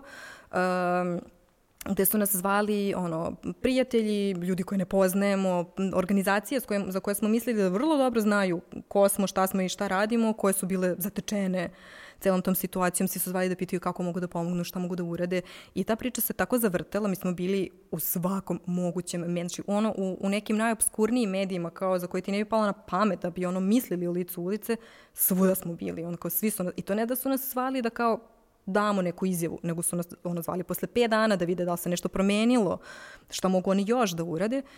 I za te dve nedelje smo skupili uh, dovoljno novca uh, da štampamo naredni, naredni broj magazina, malo smo promenili našu, stra, našu fundraising strategiju i uopšte kao uh, način uh, i, i, i plan rade kao kako ćemo i kuda ćemo dalje. Uh, ali, znaš, kao to neko jedinstvo koje smo mi osetili i ta vrsta podrške, znaš, kao bukvalno, ja sam plakala bukvalno svaki dan po celi dan ali to nije bilo od onoga kao čupam kosu i kao joj šta ćemo da radimo, znaš ono kao tužna sam, kao ja sam znala da će sve da bude okej okay, jer kao nekako, ne znam, prosto sam bila zona ovo je toliko važno i bitno i kao prosto nešto će se desiti i nešto ćemo smisliti. Ja sam plakala od te količine ono kao ljubavi koja je stizala sa svih strana i kao znaš ono komšinice koja živi tu kao blizu nas, e, bake koja kao ono napravila kolače i donela, jer kao eto to je njen način da nam pomogne, a zna da sad tu sedimo i kao nešto pravimo planove. To je možda i bavimo. najvažnije bilo. Upravo to, donacija od 200 dinara koju smo dobili je kao ono uh, od jedne gospođe sa, iz jednog malog mesta na jugu Srbije, ja sam bukvalno isto, to je meni jedna od najvažnijih donacija mm. ikada, znaš, jer kao to je to, kao, znaš, mislim, opet ono kao patetična fraza, kao nečije uh, malo je naše mnogo, znaš, mm. ili je njeno mnogo naše mnogo, kako da, god, da, kao. Da, jasno je, potpuno. Uh, I, i, I to su stvari zapravo, uh, to, to je ono što gura celu, celu tu stvar i ti, jer kad si svaki dan u nekom poslu, poslu, mislim poslu, kao ovo je za nas, ovo za nas nije posao, lice ulice je za sve nas način života. I to se pokazalo i umeđu vremenu, kao mislim razni ljudi su dolazili, prolazili, da li su na praksi, da li su na uh, volonteri ili su zaposleni, uh, ali kao one ko nekako, znaš, ono, ne živi taj život, ono, kao svaki dan, neće se prepoznati, znaš, neće, neće se zadržati, jer kao prosto to, to ne možeš da odradiš. Uh, Znaš, kao kako radiš neki posao od 9 do 5 ili kako god ti je radno vrijeme. I, I onda kad si non stop u tome, ti nekako ne stigneš da se izmestiš sa strane i da onako kao pogledaš kao kako stvari zapravo funkcionišu i šta se tu dešava i koliko je to bitno, nebitno, veliko ili nije. I onda su to situacije kad ti moraš da se izmestiš kao i kad te kao svi ti pozivi, mailovi, poruke, šta god, sami oni izmeste kao iz te pozicije, budeš se ono, čoveče, kao čekaj, kao pa kao ja stvarno nisam pretpostavljala da kao toliko ljudi zapravo i zna i toliko ceni, znaš kao, pa da, i eto, odatle te suze. Mislim sad da, da ne patetišem dalje. Da li imaš utisak u nekom smislu da ste vi nakon toga izašli kao jedna jača organizacija i da, nas, da vas je to na neki način, ajde da kažem, setapovalo za neke buduće nedaće kao ono, Apsolutno. više, više otporne? Apsolutno. Mislim, i to je ono kad smo pominjali istorijat pa smo se Pa sto mhm. puta vraćali pa smo odlazili. Jedan od tih milestone-ova koji je bio jako bitan. Uh, znaš, kao, pregurali bismo mi tu krizu kao, ok, mogli smo mi da, ono, kao imamo nekoliko kompanija koje bi, mislim, javile su se tada i neke kompanije i donirale, ali kao, znaš, mogli smo možda da kao dobijemo neku veću donaciju i da mi sa to kao preguramo ili da, ne znam, se pojavi neki projekat, ali kao, mislim da je jako bilo važno, kao i za gomilu stvari u životu koje prođeš i koje su jako teške, a onda posle nekog vremena budeš zona, ali ovo je jako važno da se desilo. I kao, dobro je da se desilo Jer smo mi tada, znaš kao to je, tad, mi smo tad već postavili šest godina i kao mi smo tada isto tako učili o sebi i, i, i promišljali neke naše odluke i pravili neke nove planove i, i, i postali smo, mislim sad je kao super seksi, seksi reč od protekle godine resilience, kao mm. to je sad kao ono, ne znam, uh, užasno važno jer da nije se desila korona, ne bi nam trebao resilience, mislim kao halo. Uh, I, I mislim da je to u stvari da smo mi tad naučili šta to znači i da smo, da, da, da smo svih kasnijih godina to samo još više i više razvijali. I da zapravo onda posle kad se desila korona ili neke druge situacije umeđu vremenu, smo bili spremni i znali smo i kako da se organizujemo i da se reorganizujemo i da šta da spremimo i kako i na koji način da budemo tu. I to isto tako nije samo toliko bitan taj moment kao, e, aj sad kao moramo da nađemo neke pare, da kao preživimo ovaj neki period, uh, Uh, ti isto tako moraš da brineš o ljudima sa kojima radiš i moraš da mm. da brineš o prodavačicama i prodavcima i u tim situacijama, jer oni isto tako vrlo su svesni toga i vide i čuju i tu su i onda, znaš, kao, uspaniče se i sezonu su, hej, pa kao, imali smo jednog prodavca koji je nekoliko godina kasnije, mislim da je relativno skoro prestao da nas pita, e, a će biti magazini sledeće godine. Znaš, mislim, to, to, to su stvari koje su za njih jako teške, posebno za one koji su tu jako dugo. Znaš, kao čeka šta ću ja da radim ako kao ne bude lula ili kao šta ćete vi da radite, jer smo se povezali na nekom potpuno drugom nivou da kao prosto brinemo jedni od drugima i nama je jako važno njihovo mentalno zdravlje i da ono, osjećaju sigurnost. Znaš, ono kao da je lice ulice njihov siguran prostor. Um, kako... I naš. Da, a kako meriš uspeh? To je kako vi kao organizacija merite uspeh? U smislu, u kom momentu ste bili u fazonu ok, ovo je sad ono kao nešto što će da traje i sigurni smo da će traje i da raste i kao... U nekom momentu ste vi došli od četiri prodavca do 120, kao Pa, znaš šta, šta mislim... se desilo između? kao, ja sam iz fazona kao, mislim, može i taj uspeh možda se posmatra s različitih strana. Za početak, tu smo i dalje. To je ono kao veliki uspeh. Uh, I najpre ga kao nekako, mi, čini mi se svi, mi sad opet ja kao nešto pričam u ime drugih, ajde pričat ću u svoje ime, mislim da je nekako jako važno i taj uspeh meriti kroz to na koji način uh, i kako pomažeš nekome da, da, da, da, da napreduje u životu i sa koliko ljudi smo radili i koliko ljudi je dobilo, imalo neku, neku korist od, od toga što je bio, bila ili je i dalje uh, deo, uh, deo Lula. S druge strane, opet 70 brojeva magazina i sa tiražem koji, na primjer, nismo, nismo pomenuli, a koji raste uh, sve vreme. Tad smo štampali tih 5000, mislim, to je kao bila ona varijanta, više smo podelili i ostalo nam je brda bilo u magazinu. Ali to ni, mislim, naravno da nije ni trebalo da budemo toliko ambiciozni da će to da se proda. Onda smo prodavali tipa hiljadu primjeraka po broju. Pritom ni brojevi nisu izlazili svakog meseca jer je bilo to kao kad ima para, kad bude neki projekat ili nešto, znaš, pa imaš kao 3-4 broja godišnje, pa onda imaš pet, pa dobro, možda ne baš. E, I u nekom trenutku smo onda kao bili su, ok, sad moramo da se profesionalizujemo jer ovo mora da ide dalje. To je recimo nešto malo neposredno pre nego što je Bojan kog si pomenuo, e, koji je jedan od urednika u magazinu, pre nego što se on uključio ili možda kad se on uključio, ne sjećam se kad smo bili sezon, ok, ove godine moramo da imamo pet brojeva godišnje. Sledeće godine idemo jedan broj dalje. Sledeće godine idemo jedan broj dalje i postepeno je rastao i taj tiraž. U nekom trenutku smo došli do nekih 9000 po broju, od čega se skoro sve uh, uh, sve proda, što je dosta ozbiljan tiraž zapravo za, za današnje vrijeme i štampani mediji. Uh, sad smo malo spali uh, zbog korone, ali ne nešto predaleko. Možda smo negde na 7,5, na primjer. Ove, 7, 7,5. Uh, da, i onda smo uspeli da, da ispratimo taj ritam koji smo sebi zadali i da kao prosto se zna kad tačno izlazi broj i da profesionalizujemo i čitave ono, procese, procedure u, u okviru same redakcije, mislim koja je jako mala, ali ima veliki broj spoljnih saradnika mm. uh, i, i, i podržavaoca. Tako da sad sam opet otišla daleko, više se ni ne sjećam šta okay, sam zapravo, okay, skroz, ali šta sam zapravo pitala. više puta koronu i kao, sad je to već, sad pričaš o tome kao nekom skoro pa i prošlom vremenu, Ali ono što mislim da ljudi ne mogu da zamisle, ja definitivno ne mogu do kraja. Šta se desi s jednom organizacijom kao što je LUL, koja radi definitivno s ljudima koji su praktično najizloženiji na ulici? Šta se desi u tom trenutku kada ono se desi jedna korona, jedan karantin? Kako je to izgledalo iz tvog ugla? Uh, to je bio horor. uh, nekad, znaš, onako, svi smo se nadali kao kad je krenula ta korona da se širi, ali kao po svetu, kao ma dobro, kao to će biti nešto kao par meseci, možda to nas ni ne zakači, ne znam šta. I onda smo u jednom trenutku bili stvarno, ok, kao ovo nije naivno, hajde da brzo to kao, ne pop-up event, ali pop-up kampanja, kao moramo da smislimo šta ćemo da radimo. I mi smo uh, jako brzo osmislili jeli, kao kampanju za, za, za podršku pre svega, uh, mislim kao Lulu generalno, ali pre svega našim prodavačicama i prodavcima. I krenuli sa kampanjom jer čini mi se, više se ni ne sećam, ali tipa dan ili dva nakon što je proglašeno vanredno stanje i nakon što je sve počelo da se zatvara i ne znam šta. Uh, mi praktično dva i po meseca nismo mogli da prodajemo magazin. U smislu, hard copy magazin na ulici. Uh, možda prvih nekoliko dana su neki od prodavaca i dalje želeli da izlaze i mi nismo mogli to da im zabranimo, jer kao prosto, znaš, kao neko mora da zaradi novac da plati večeras, jer mnogi od njih plaćaju na dnevnom nivou neki smeštaj i kao ako ne proda magazine danas, mislim, znaš, kao nećemo ti gde da spava. I kao prosto ti nemaš tom čoveku da kažeš, e, ali znaš, kao korona, mislim, znaš. I onda smo krenuli s jedne strane da organizujemo celu, ceo posao, kao kako ćemo sad sve da prebacimo online. Mi smo navikli da smo isto u nekom open space-u kao, uh, kao, kao što ste i vi, uh, gde smo svi stalno zajedno, uh, mnogo brzo razmenjamo informacije, dogovaramo u hodu puno stvari i kaj sad ti to prebaci sve, sve, sve online to je onako kao trajalo neko vrijeme dok, dok smo se tu ovaj, organizovali. S druge strane, ajde sad kao moramo brzo da krenemo u neku akciju, da objasnimo ljudima u kom smo problemu, šta se dešava, da im objasnimo zašto je važno da nas podrže sad više nego, uh, više nego ikad.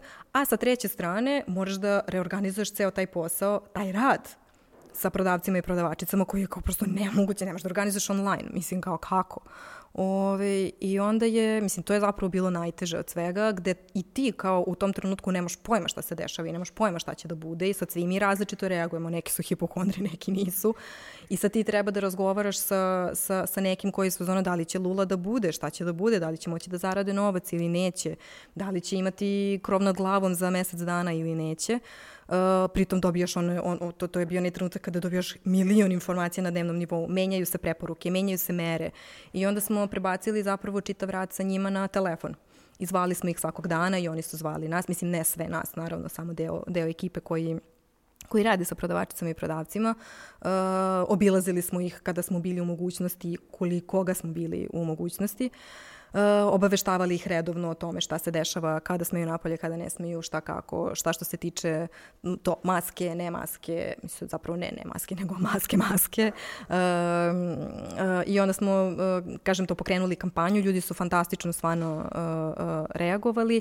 Uh, sve smo prebacili na, na naš sajt, mi smo već u tom trenutku imali neke opcije, to ne znam, da se pretplatiš online, da možeš da doniraš ili ne znam šta, onda smo u tom periodu krenuli da sređujemo sajt, mislim sve se poklopilo Ove, I malo smo ga učinili da bude više user friendly, da bude brži, da, da otvorili još neke opcije i ljudi su krenuli da nam doniraju, da se pretplaćuju, uh, da Onda smo među vremenu napravili dva digitalna izdanja, pošto jeli, kao ne možemo da prodajemo na polju, kao hard copy štampa košta jako mnogo, moramo da štedimo sada.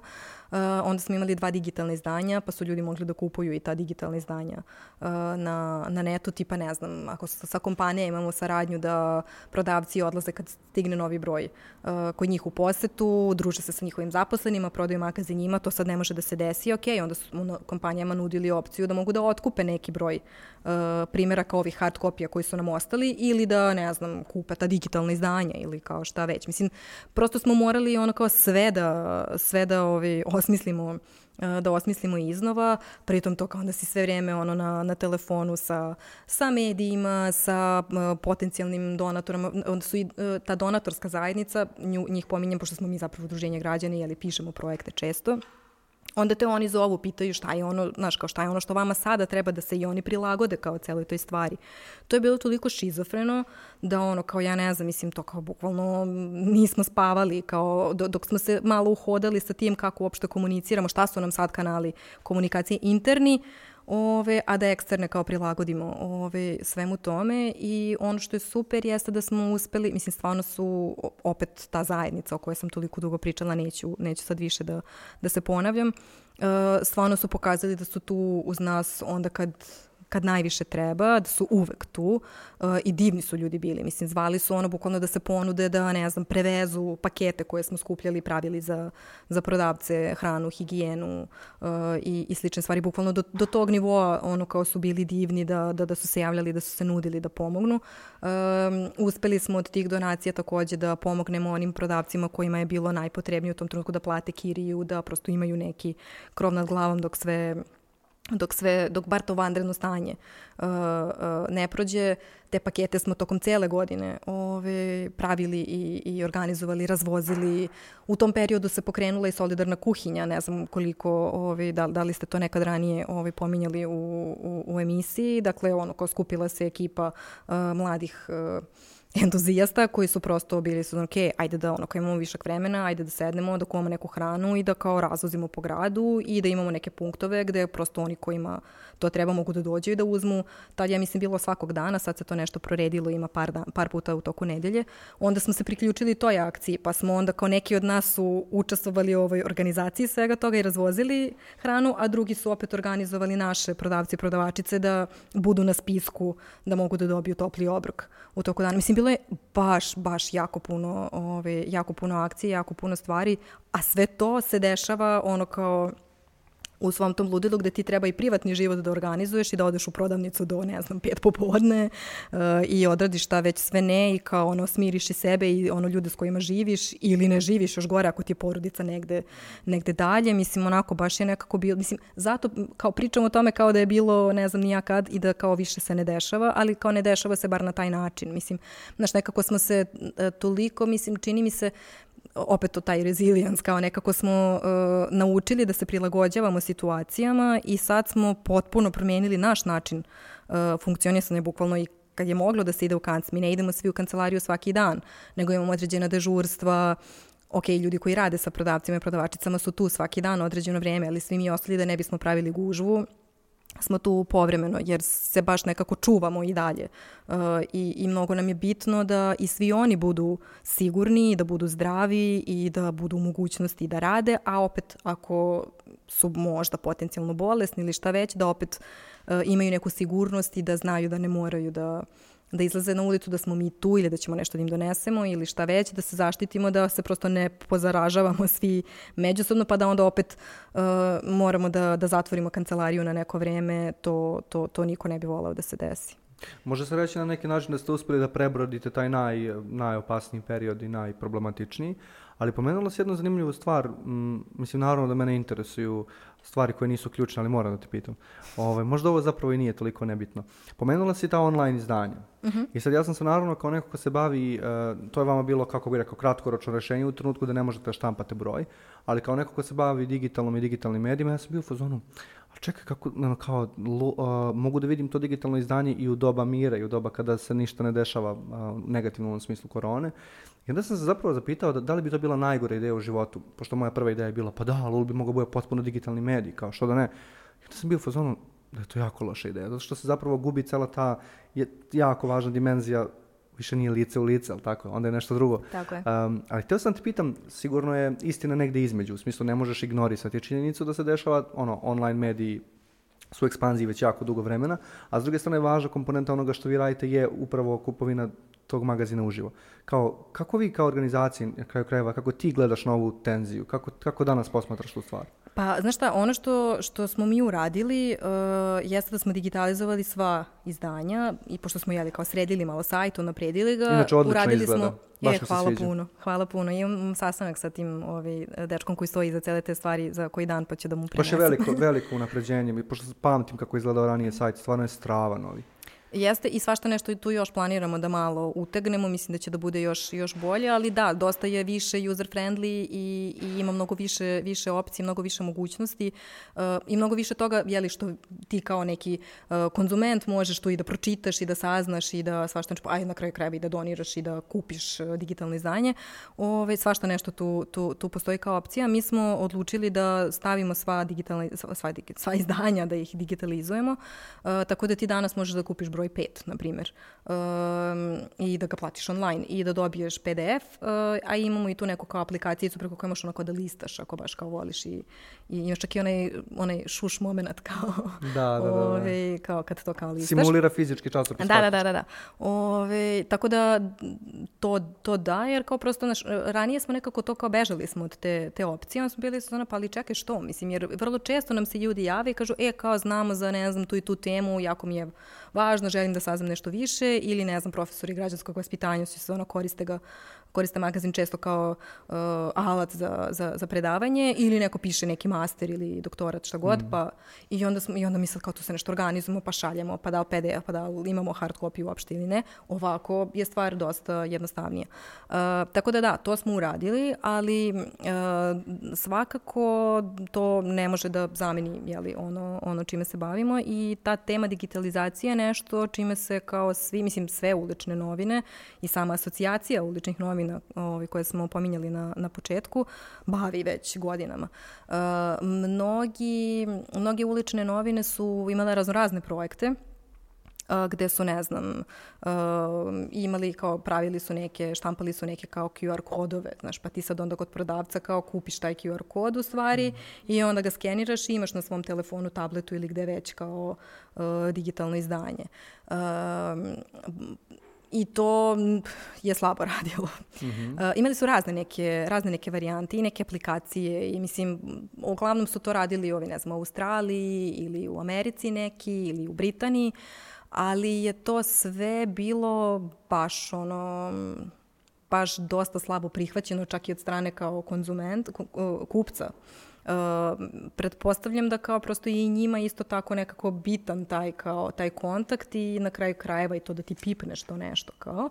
Bez obzira što većina ljudi to neće da, da pročita kasnije, znaš nekako je drugačije. Tek ako ga imaš na telefonu, u aplikaciji, mislim to kao negde na telefonu, pa nećeš ga prelistati u životu. Mm. Mislim, verovatno kao.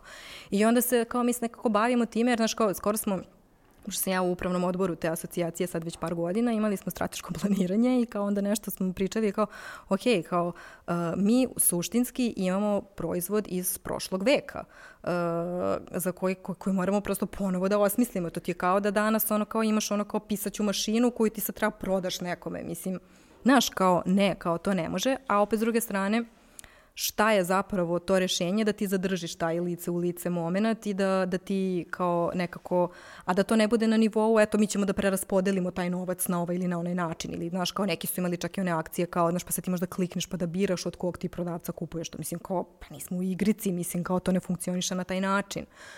Uh, tako da moj odgovor je ne znam šta ćemo mm -hmm. da radimo, ali nešto će definitivno morati da se, mislim, već se menja. Uh, ali ono što je kao neka malo kao uh, olakšavajuća stvar jeste to da se kod nas ipak malo sporije to sve menja, jer kao kod nas ljudi i dalje koriste keš, opet ima vi, sve više onih koji nemaju keš u sebi, koji su navikli da koriste kartice i tako dalje, ali i dalje većinski stanovništvo koristi keš I jedino do duše, ok, korona jeste promenila stvari da su ljudi malo ipak postali ono kao da malo više veruju toj online kupovini jer su prosto bili prinuđeni da to probaju. Mislim, znaš kao, ja sam se iznenadila da su neki moji prijatelji koji su kao, čak koji su mlađi od mene, kao, bili su ono kao, kad je krenula korona, pa kao ja nikad nisam do sad ništa kupio online, kao, znaš, mm. ne znam, uh, pomenuti Bojan je jednom bio sezona, pa ali kao nisam nikad im kao morao tako nešto da uradim.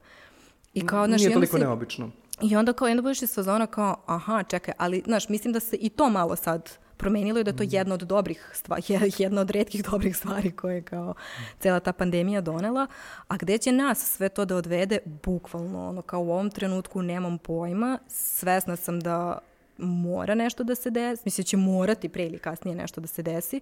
Uh, ono što je isto, na primjer, zanimljivo jeste da, znaš, kao ti imaš ono razne proizvode koji kao prosto, znaš, kao rastu zajedno sa tom nekom generacijom koja je njih prepoznala kao nešto, nešto njihovo i naši čitaoci će sigurno iz godinu u godinu biti, jeli, sve stariji, ali će kao sigurno ostati do nekle uh, uh, verni tome, a nama je ipak u interesu da imamo ono što više income generation u, u, u toj grupi onih koji kupuju ovaj, uh, uh, lul i kao, kako to radimo.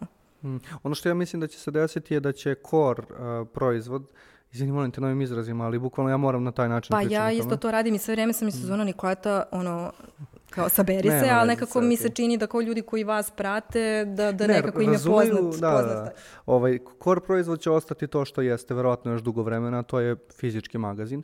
Međutim, ono što je vas, za vas prilika u digitalnim medijima, poput vašeg sajta, ali i vaših društvenih mreža i tako dalje, je da u stvari nastavite da pričate tu priču o Lulu. Upravo ovo što si ti danas on, uradila ovde i ono, imamo još par tema koje bih volao da pokrijemo, ali bukvalno ta priča i u stvari jačanje tog brenda lice ulice, koje će upravo dovesti do toga da ti mlađi ljudi ljudi uh, brže i lakše krenu da budu korisnici, ono kako bi rekao, ne kupci, ali razumeš, da jednostavno budu zainteresovani za početak za celu tu priču, a onda i da nekako delaju u vezi s tim. Apsolutno, apsolutno i to je jedan od razloga zašto mi u stvari radimo stalno, što mi kako sredimo na sajtu nešto što smo planirali, mi onda krećemo opet ne, nešto da mm. da radimo na tome, znači nekako ne, ne zaustavljamo se, jer kao nam je nekako baš, baš to, to i važno i, i društvene mreže isto tako koristimo, ja, čini mi se onako kao maksimalno koliko, koliko možemo, posebno što mi budžete, pa mislim znate, nemamo za te stvari, ove, ili imamo jako male budžete, i kao, ali nekako ono, dajemo sve od sebe da, da probamo na drugi način da predstavimo te stvari. Mislim, ima tu naravno raznih mogućnosti i, i, i, i puno prostora i svašta nešto planiramo, ali kao prosto ne može da dođe na red, kao ne možemo da stignemo.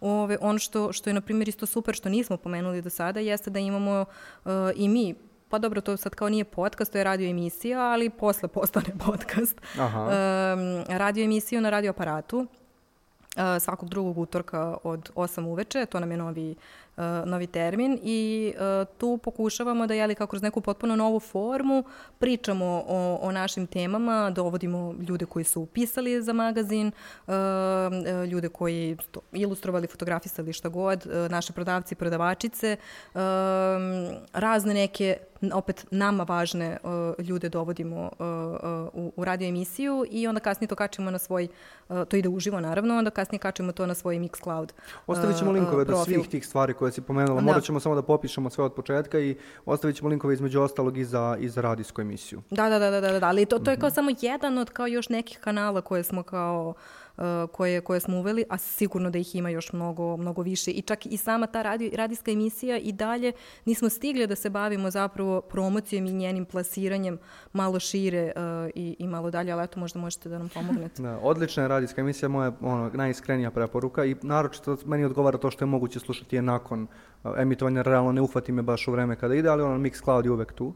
A, ovo nam je super Strava ti je ne samo, kao, ne samo zato što je cool, nego zato što si ti bio jednom gost. ok, da, shameless, ali da, tačno je. Um, ovo nam je super uvod za u stvari e, zaključak. A zaključak je mene interesuje na koje sve načine ljudi danas mogu da se uključe i da postanu na neki način deo vaše porodice, vaše priče. Ok, najočiglednije je kada vidite prodavca lice ulice na ulici, priđite, popričajte s njim, ono koliko imate kapaciteta taj dan, kupite između ostalo magazin i kao to mi je jasno. Ali možda ljudima nije do kraja jasno šta još sve mogu da urade.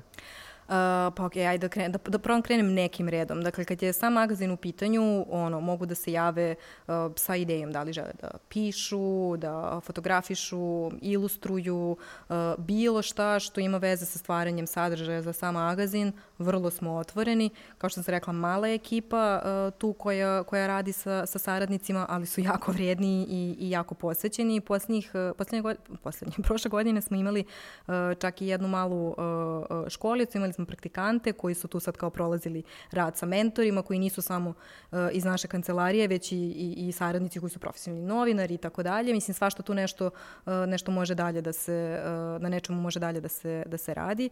Uh, takođe mogu da, da nam se jave ukoliko uh, imaju neku ideju kako bi mogli da organizuju neku akciju za, uh, za naše prodavce ili ako imaju ideju kao, prosto ako se bave socijalnim radom, socijalnom zaštitom, možda možemo da osmislimo ono, neki zajednički program, neki trening, neku, uh, neku radionicu, imali smo i te, uh, te situacije, mogu da organizuju sami neki, neki fundraising event za, za LUL. To se, na primjer, dešavalo ovaj, s vremena na vreme, tipa, ne znam, jedan lik je radio, uf, zaboravila sam sad, sad, sad tačno za koju neku internacionalnu firmu kod nas, kupovao je redovno, pretplaćivao se, on je stranac inače i kad se vraćao kao nazad uh, uh, u svoju zemlju, organizovao kao farewell party i kao ideja je bila da svi umesto da mu donesu neki poklon, doniraju za lulu.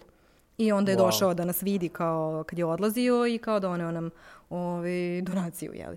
Tako da, mislim, ovo je samo jedan, ono, jedan, jedan od primera, mislim, svašta su ljudi tu, tu još sad skoro je jedna devojka organizovala zimus uh, akciju sakupljanja zimske garderobe, na primjer, i to je napravila ludačku akciju, da onda ona obilazila kombijem ljude koji su se javili i prijavili, pa je onda posle sve ona to razvrstavala, organ, bukvalno je čitav posao odradila umesto nas, jer mi nismo imali mogućnost da nam neko dolazi uh, u kancelariju i donosi uh, uh, obuću i, i, i garderobu zbog čitave ove situacije, na primjer, sa, uh, sa, sa koronom. Onda su nam se javili, ne znam, iz Britanske ambasade, uh, pa su nam doneli, pitali su nas da nam trebaju knjige, kao, pa su nam onda donirali knjige, imamo malu biblioteku za prodavce, gde oni uzimaju knjige, čitaju i vraćaju, kao, i onda ta priča narasla i onda su se i neki drugi ljudi javljali sa, uh, sa, sa idejom da poklone oni neke knjige i tako dalje. Mislim, prosto, ono, mogućnosti su Dobro, znači za početak, ako imate neku ideju kako možete da pomognete cijeloj ovoj priči, a čuli ste ono u prethodnih sat i po šta je sve ta priča i koliko je slojevita, ono, kontaktirajte lice ulice, to je dobar prvi korak. Tako, tako? je, putem društvenih mreža, čak i kad kupite magazin u impresumu stoje razne e-mail adrese, možete da nam pišete mailove, možete pišete na društvene mreže, mislim, čak sam se dešavalo, kažem da nam ljudi ono pokucaju na vrata, ono kao kancelari dobar dan. Meni je to super, znaš, ono kao devojka koja je mlađa od mene 10 godina je kao pre, pre par godina došla i bilo je iz fazona, kao nije poslala poruku na Instagramu, nego je došla i bila je iz fazona, kao meni ste vi strava, ja bi nešto da, da radim sa vama. I to je isto super. Sad je to malo, možda nezgodnije, pošto nismo stalno u kancelariji zbog svega ovoga, ali, ove, ali eto, kao i to je, i to je opcija. Na sajtu postoje sve te, sve te informacije, naravno uvek ljudi mogu da se pretplate, postoji mogućnost doniranja. Imamo čak i onu kao kako se to zove, taj trajni nalog, kao gde ti možeš da se pretplatiš, mislim, ne pretplatiš se na magazin, nego se pretplatiš na to da ti se svakog meseca skida neka suma mm -hmm. uh, novca sa tvog računa uh, za lice ulice, na primjer. Mislim, opet i tu su mogućnosti razne, ukoliko su u pitanju, uh, ukoliko su u pitanju pravna lica, mislim, tu takođe imamo razne raznim, razne mogućnosti ideje i uvek imamo prostor i da osmislimo zajedno uh, uh, nešto, nešto specifično. Cool je fora kada kompanija zapravo za svoje zaposlene, recimo, mogu na taj način to da predstave sebi i svojim zaposlenima, da se pretplate u ime svojih zaposlenih ili nešto slično. Ima takvih primera? Apsolutno, apsolutno. Uh, imamo ta, tu uh, akciju lica ulica u gostima koja sad nije moguća zbog korone, gde prodavci odlaze u neku kompaniju ili čak i manju firmu, nebitnu organizaciju, instituciju i onda neko vreme jednomesečno ili jednom u tri meseca zavisi kako se dogovorimo i onda se tu malo podruže sa zaposlenim, popiju kafu zajedno u, ne znam, hotelu Hyatt, na primjer, i ručaju, kao to oni im organizuju tamo ručak, mislim, to je ono kao sve super strava, ove, i prodaju magazin zaposlenima. Sad, pošto to nije moguće, onda postoji mogućnost da se otkupi uh, određeni, uh, određeni broj primjeraka ili to kao prosto da, da pretplate uh, svoje zaposlene. Isto tako, ono što je bilo baš popularno jedno vreme jeste bilo da kompanije, na primjer, um, kupe, ne znam, određenu količinu pretplata i poklon poklone ih organizacijama, institucijama u gradu u kom, uh, u kom je njihovo kao sedište ili ako su iz Beograda onda kao tu opštinu na kojoj se nalaze ili tako nešto. To je na primjer isto super, super sva neke fondacije su to takođe, uh, takođe radile. Tako da da, mislim ima stvarno baš, baš, baš, baš puno, puno opcija. Da, ono što smo isto radili jeste da to se dešava uh, uvek za lice ulice nedelju, pored toga što mi izlazimo s prodavcima na ulicu, neki zaposleni nekih kompanija zaposleni nekih kompanija uh, izađu sa njima na ulicu i onda oni njih uče kako se prodaje. Znači, i posebno je zabavno kada ti dođu kao ljudi iz prodaje iz neke kompanije i kao bukvalno ne znaju šta treba da rade. Kao. Ove, tako da, da su to, i to, to, to, to su bukvalno team buildingci. Uh, I za njih i za naše prodavce i prodavačice. I nas na kraju kraja. Mislim, I opet se kao pravi taj krug i, i, i stvaranje neke zajednice i neke, neke super atmosfere i, i ma prelepo je. Mm. Ne znam, moj utisak je ono kao, uvek sam imao taj osjećaj da lice ulice previše podrazumevamo, to sam rekao i na početku, kao, a to je ona super stvari za koje svi mogu da stanu, jer kao, potpuno očigledno zašto je korisna. I mnogo sam srećan što smo u stvari ispričali, u stvari ti si ispričala, tako i treba da bude, uh, priču o tome šta je u stvari ta organizacija, ko su ljudi koji stoje za nje, kako oni funkcionišu iz dana u dan. I u stvari mislim da smo ono kao, da smo fair, uradili smo dobru stvar, čini mi se danas ovde zajedno. Um, ja mogu samo za kraj da se zahvalim. Uh, ovo je bilo baš inspirativno i bukvalno ja čekam da slušam epizodu jer kao ono, dosta, dosta detalja treba tu uhvatiti um, i nadam se da ćemo imati prilike još da razgovaramo. A ono što bismo mogli sledeći put da uradimo, što imamo ono bukvalno u glavi kao to do, je u stvari da pričamo s tobom o jednoj malo ličnijoj temi, a to je tema, šira tema bavljenja aktivizmom i kako izgleda baviti se aktivizmom i kao, nekako mislim da nismo uspeli danas toliko da uđemo u tu stranu priče za koju mislim da je jako važna, bi ljudima bila inspirativna, tako da ovo je sigurno takođe poziv za još jedno gostovanje za tebe. Super, ja sam uvek tu, znate, da, da volim sve što radite i da, da, da, da sam uvek raspoložen. Mislim, ako nešto volim, volim da pričam, tako da slobodno zovite. Mene samo u kombinaciji sa nekim sve, sve je, sve je okej. Okay. Mislim, nismo stigli ni, ni za lul da ispričamo no, neke stvari. Nismo pomenuli vrevu, nismo pomenuli merch, to je stvari da, koje pravite. Da, da, da, da. ali idite na sajt, mislim, to da. je to, kao idite na sajt i stvarno, ono, klikćite i, i saznajte, istražujte, ako vam nije jasno i ako vas nešto više zanima, mislim, stvarno smo tu, ono, kao pišite i... I, i, I kupite i... majicu koje nismo pomenuli, a najjače su. Pa da, pa da, pa da, pa da. Ti znaš. da. Ovaj, hvala ti Miljo, hvala ti Nikoleta i to bi bilo to.